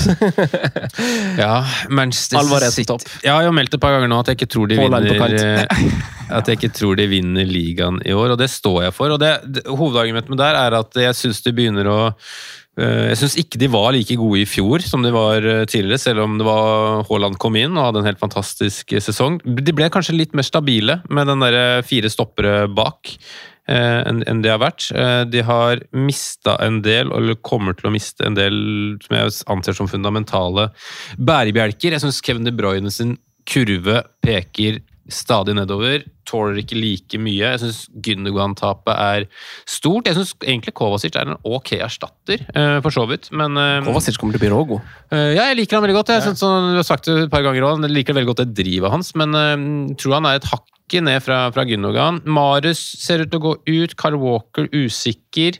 Um, tror kanskje også de har en sånn der metthetsfølelse etter den sesongen um, som, som var. Vi får se om Bernardo Silva endelig forlater eller ikke, men det virker kanskje som han, han blir. Um, overganger inn, så er det vel kun én som er bekrefta, er det ikke det? Kovacic? Det er ikke flere som er bekrefta. Cancelo er jo tilbake. Det blir spennende å se hva som Om Pep og han har fått skværa opp bare for at de har vært fra hverandre litt, eller om han eh, om de faktisk ønsker å bli, bli kvitt den. Det virker ikke som at Bayern har så lyst på han. Um, og man kommer til å ta igjen plassen også. Ja. Det Er ikke. Guardiol bekrefta? Nei. Nei, det var noen hiccups der faktisk òg. Ja, det hadde ikke blitt sånn- amper stemning eh, etter final, final stage. Eh, men jeg regner med at den, at den landes, ut ifra hva som har vært eh, rapport, rapportene. rapportene. Um, ja. Eh, Manchester City er mye og, og lite. Eh, alle kjenner til eh, laget, og alle er i en brautfeber, dessverre. Ja. det er kanskje ikke sånn fryktelig masse å si om det, men det som er med City, er jo at de har jo også et superdeilig kampprogram. Som Mm. gjør at du har lyst til å investere mer i City. Så jeg har jo Foden og eh, Stones i mine siste draft. Mm. Eh, litt, for, litt fordi jeg føler at at han Pep er jo et jævla skrue, men sånn det er bare at han nå har han funnet det at det er litt kult at Stones kan spille i den rollen han kan, så da skal han dyrke det for alt det er verdt. Det er litt sånn rare ting han gjør. eh, føler jeg. Når han, eh, når han føler han har knekt en kode, så skal han vise det litt. Så da skal, da skal Stones inn der og spille. Jeg ser for meg litt hvis Guardiol kommer inn, at du spiller med en Trebecks, og så spiller du med en toer foran i Rodri- Rodrigo Stones. Men hva tenker dere med alle tapene? Altså Mares ut eh, Jeg synes det er store savn. Det er store tap. Kanskje Walker Ja, men det tenker jeg Det er for så vidt fair, men jeg tenker hvem kommer inn? Hvor, nå blir det jo altså det tynnes jo voldsomt i rekken, som gjør at jeg føler at før første wildcard og Champions League at man liksom kan satse ja. Ja, Det skjer vel ikke så mye mer enn Guardiol og, og Kovacic. Da har de jo brukt 140-150 millioner euro allerede. Det har vel ikke så mye mer å rutte med i forhold til Financial Fair Play og 150 regler brutt og sånne ting? Ja, de finner, finner oss smutthull. Ja. Nei, jeg tror ikke de har så mye mer kapasitet, altså. Så så helt ærlig. Men er det én ting jeg liksom, sånn, med Pep, da, så han er jo alltid ett, to eller tre steg foran alle andre. Mm. Uh, og at han lar disse spillerne gå Uh, Det er jo gjennomtenkt. Mm. Det er en plan her. Om det er spillere inn, eller om det er omstrukturering og nye spillere inn i andre posisjoner. Jeg orker liksom ikke å tenke på det. Det er greit nok, det er, Jeg er helt enig i at det er store tap. altså. Eh, Spesielt Gundergan, kjempestort tap. Mares har også vært en, en veldig viktig bidragsyter. Carl Walker også. Men, men at, eh, at Kovacic skal inn der og gjøre en jobb, at Foden skal få en mye mer sentral rolle enn det han har hatt de foregående sesongene. eh, At Alvarez kanskje skal spille mer enn han har gjort. Det betviler jeg liksom ikke, og da, da er det kvalitet nok i de spillerne til at City Så får vi se da, om de er like heldige med helsa til Haaland i år. For det har jo Mm. vist seg de par siste sesongene at uh, det var noe vi frykta prata mye om før fjoråret. Så var han egentlig klar hele sesongen, så å si. Mm. Uh, det er jo et voldsomt tap, fordi med måten de har satt opp nå hvordan de spilte tidligere, så var jo ikke den spissen så viktig, på en måte, men nå er de jo blitt vant til å eh, bygge jo alt rundt det. Mm. Um, så det blir spennende. Men nå har de jo en ok erstatter, selv om han ikke brukes på samme måte, som du sier, i Alvarez, som kan gå inn der og spille på matcher og gjøre en god jobb. Ja. Mm. Jeg har vært, eh, vært og lekt meg med Det har vært med tre, eh, tre spisser-draft, så jeg har lekt meg med han inne. I og med at vi har hatt en Kevin De Bruyne som har vært litt skadeplaga i preseason. Det var vel han i tropp Ja, han var det. Han var i tropp i første treningskamp. i første treningskamp. Jeg vet Mm. ikke, om han fikk minutter. Men uh, Phil Foden også. Uh, 7-5, uh, som du sier, Franco, fram til wildcard. da. Det er jo Mm. noe man absolutt har lyst til å, å kanskje pønte litt på. Ja, han og Grealish eh, koster jo begge det. Mm. Og Grealish har jo egentlig greie underliggende tall. Skal vi se, Her var noen quotes faktisk på Kevin De Bruyne. He feels much, much, much better. I don't know about Bayern Munich or the next game against Atletico because he has to train, but he's going But he is so close to being back. Okay. Ja vel? Ja vel.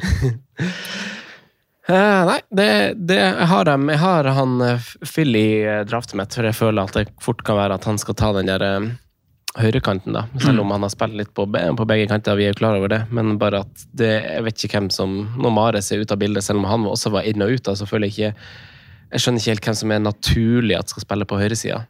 Nei, altså jeg er veldig laidback til City nå, egentlig, i forhold til laget mitt. Men kjenner jeg meg rett og historikken rett, så lurer jeg inn en uh, I fjor ble det vel Mares inn uh, Hadde ikke tenkt på den hele preseason, og så kom han inn to minutter før frist. Mm. Så det skjer vel noe vel lignende kanskje med Foden i år òg. Men per nå så er jeg ganske nailback at det er kun Haaland som skal stå fra det laget der. Men Nå har vel Foden spilt veldig lite på høyre, selv om vi har snakka mye om han det spilte masse på venstresida. Ja, og, og det, jeg leste en uh, sak etter den kampen nå Hvem var det de spilte mot?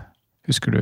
Husker treningskamp Ja, Å, jeg satt jo og titta på den, ja. faktisk. det er Irrelevant, for så vidt. Men, men, men i den kampen da, så, så spekulerte man i om Folden kunne gå inn i Gundergan-rollen. Ja, Og så kan- kom Kovacic? Eller var det etter Kovacic? Nei, det var jo etter Kovacic eh, kom. det var noe nylig. Ja. Bernardo Silva, da. Ja, Om han kan være høyrekanten, da. Ja. For det er jo en rolle han har hatt tidligere. Um, Yokohama? Men det er jo veldig mye hvis matte, at det dersom at det. Mm. Men det man ser med Phil Foden, er at eh, han spilte vel rundt 1800 minutter i fjor, og han har jo veldig gode tall til å ha spilt så lite. Mm. Han ligger jo på, på en god eh, Eller så lite, da, men til, å ha de minuttene han har, så ligger han jo ligger han jo likt, om ikke over, spillere som eh, Grealish, Gundergan, Mares. Så Phil Foden er vel Han er av den eksplosive typen også, så jeg, jeg er nok veldig nær å ha med fra start. Vanvittig maks, eh, eller tak, da, som, Mm. som du har sagt et par ganger. Altså Kan jo være alt fra Hva hadde den i fjor? da? 142 poeng. Kan egentlig være alt fra 100 til 200 poeng. Mm. Jeg kan starte med alt fra én til tre City. Ja, eh, og det Det er preseason som avgjør. Og Ja, skader og uh, uttalelser fra Pep som man selvfølgelig ikke skal ta for god fisk. Men uh, alt det der blir kasta inn i en, uh, i en uh, pott, og så sitter Mm. man der to minutter før frist, som det sier, Simen, og så trekker man et lodd. Ja. Det er det. Lange låt. Lang lodd. Men jeg skal ha de på topp på. Kaste dartbiler, var det ikke det vi Kaste ja. Uh, nei, skal vi plassere dem på tabellen, da, eller? Det Ja. er ikke sånn sykt masse å si om City, for det er et lag vi må følge med argusøyne. Mm. Uh, jeg har jo dem øverst, jeg, da. Ja, jeg Bak det. Arsenal. Bak Arsenal på deg, men uh, Jeg har jo ikke det. Jeg tror de vinner, Da må du ta det, da. så da må vi gjøre det sånn. Da må du ta hele tabellen før vi runder av preseason pods for sesongen eh, 23-24. Etter vi har valgt spillere. Etter vi har valgt spillere. Takk igjen. Topp fire. City, Arsenal, Manchester United, Liverpool. Femteplassen går til Aston Villa. Ja, vi fikk Liverpool innafor. Jeg trodde det ble nummer fem. Ja. Det Det er en fin topp fire, Ja. syns jeg. Det er en topp fire jeg kan like. Ja, men det blir ikke den rekkefølgen, tror jeg. Det har du sagt. Uh, Villa, Chelsea, Brighton, Tottenham, Newcastle, Brentford. Til, Hvor Palace, hadde Chelsea nå? sjetteplass. mm. Palace, med. Palace på ellevte, Westham United tolvte, Nottingham Forest, Everton, Burnley. De fem nederste lagene blir Fulham og Bournemouth, som akkurat klarer det. Wolverhampton går ned sammen med Luton og hvilket siste lag vi har ennå? Eh, Sheffield United. Sheffield United. Hvorfor hjelper det der? Hvorfor gjør du det?! Fuck sticks! Sorry. Sheffield United 19., Luton helt sist. Nei og nei. Det er en fin Du er så god å legge opp til felle. Du har så jævla bra pokerfjes. Jeg kjøpte den overhodet ikke. Jeg Trodde jeg kjente deg. Nei, det er en ok tabell, uh, summa summarum. Det står seg det, men eh, vi har jo noen artige her. da. Villa på femteplass er jo kul. Over Chelsea. Newcastle på nesten, Chelsea. nesten nedre halvdel på Newcastle. Du hva det er? Ja, men jeg, det verste er at jeg tror på det. en, tabelltips skal være sprek. Ja. Eh, Ledd for ledd. ledd for ledd i eh, topp fem, eh, gutta, fra forrige sesong. Vi starter Men vi på gidder ikke Haaland. Nei, vi kan droppe Haaland. Nei, vi kan droppe Haaland. Starter på keeperplass, da. Ja. Da blir det jo fort vekk Onana. Ja, du har han over Ramsdale. Det er dem som koster fem, er det ikke det? Jeg skal ha andre spillere i Arsenal, vet du. Ja, det er jo altså Men du vil jo også ha andre i United. Ikke, ikke tre. ikke tre andre. Og Nana her òg. Ja, da tar vi eh, Onana her også, faktisk. Franco skal ha Fanbisaka fra start. Oh, Ta den da, jeg er fysen på å si Fanbisaka. Ja, ja, ja. Men det blir jo eh, Det blir jo Ake. Jeg får, Nei. Eh, Nå reagerte jeg ikke på hva du sa. Men for da er vi tilbake til her. Var det, var det fra start, eller var det på sesongbasis? Det sesong. Ja, sesong. Da tror jeg Gabriel kommer til å være helt oppe og nikke. Jeg tror jeg tar Trent, jeg. Trent. Ah, fy faen, Trent. Ja, vi har femteplassen der. Selvfølgelig er det Trent. Herregud. Mm. No-brainer. Trent, Trippier, Gabriel. Topp tre. Ja. Trent. Eh, Det, når du nevnte Du nevnte det. Eh, Bonuspoeng på en eller annen. Uh, Ja. Ødegaard, tror jeg. Så burde vi også nevnt det på Trippier. Da var det vel kun Haaland og Kane som slo an på bonuspoeng i fjor. Slår mye legg. Mm. Skaper sjanser. Slå litt innlegg. Midtbane. Slår litt innlegg. Han tar litt innlegg. tar litt innlegg, er det han sier. Jeg må jo gå til eh, Bukayo. Ja, den er fin, den. Jeg går til Rashford. Ja, fin. Det er topp tre for meg, det òg. Bukayo og Rashford. Ja, jeg ble usikker på hvem som skal mer inn i miksen der, men kanskje det er topp to, egentlig. Bukayo Rashford. Ja. På topp. Gakpo. Ja, der var du så klar, du. uh, Jesus. Ja. Jeg har jo hatt Jesus i alle draft. Så jeg får jo stå for den, da. Mm. Jesus. Da gjenstår det bare å takke for uh, følget for fire lange preseason-episoder. Vi håper folk har holdt penna hardt og notert seg hvem som har vært de gode defensive lagene, hvem som har vært de gode defensive, hvem som uh, angriper på høyresida, hvem som angriper på venstre, hvem som er god på dødball, og hvem som er svak. Vi har i hvert fall gjort det, og vi er klar for å fyre i gang sesongen. Eh, takk, gutta, for uh, en Takk selv. sedvanlig Takk kul, ja. kule innspillinger. Fantastisk dag. Ja. ha det. Ha det.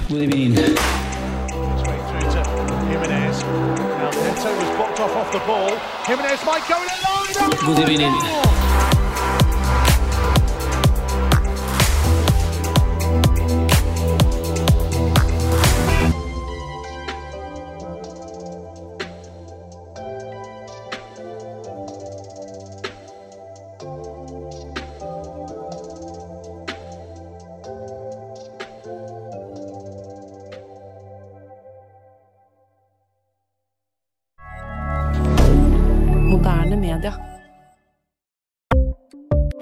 Ukens annonsør er Folio, en smartere banktjeneste for deg som har en egen bedrift eller ønsker å starte for deg selv.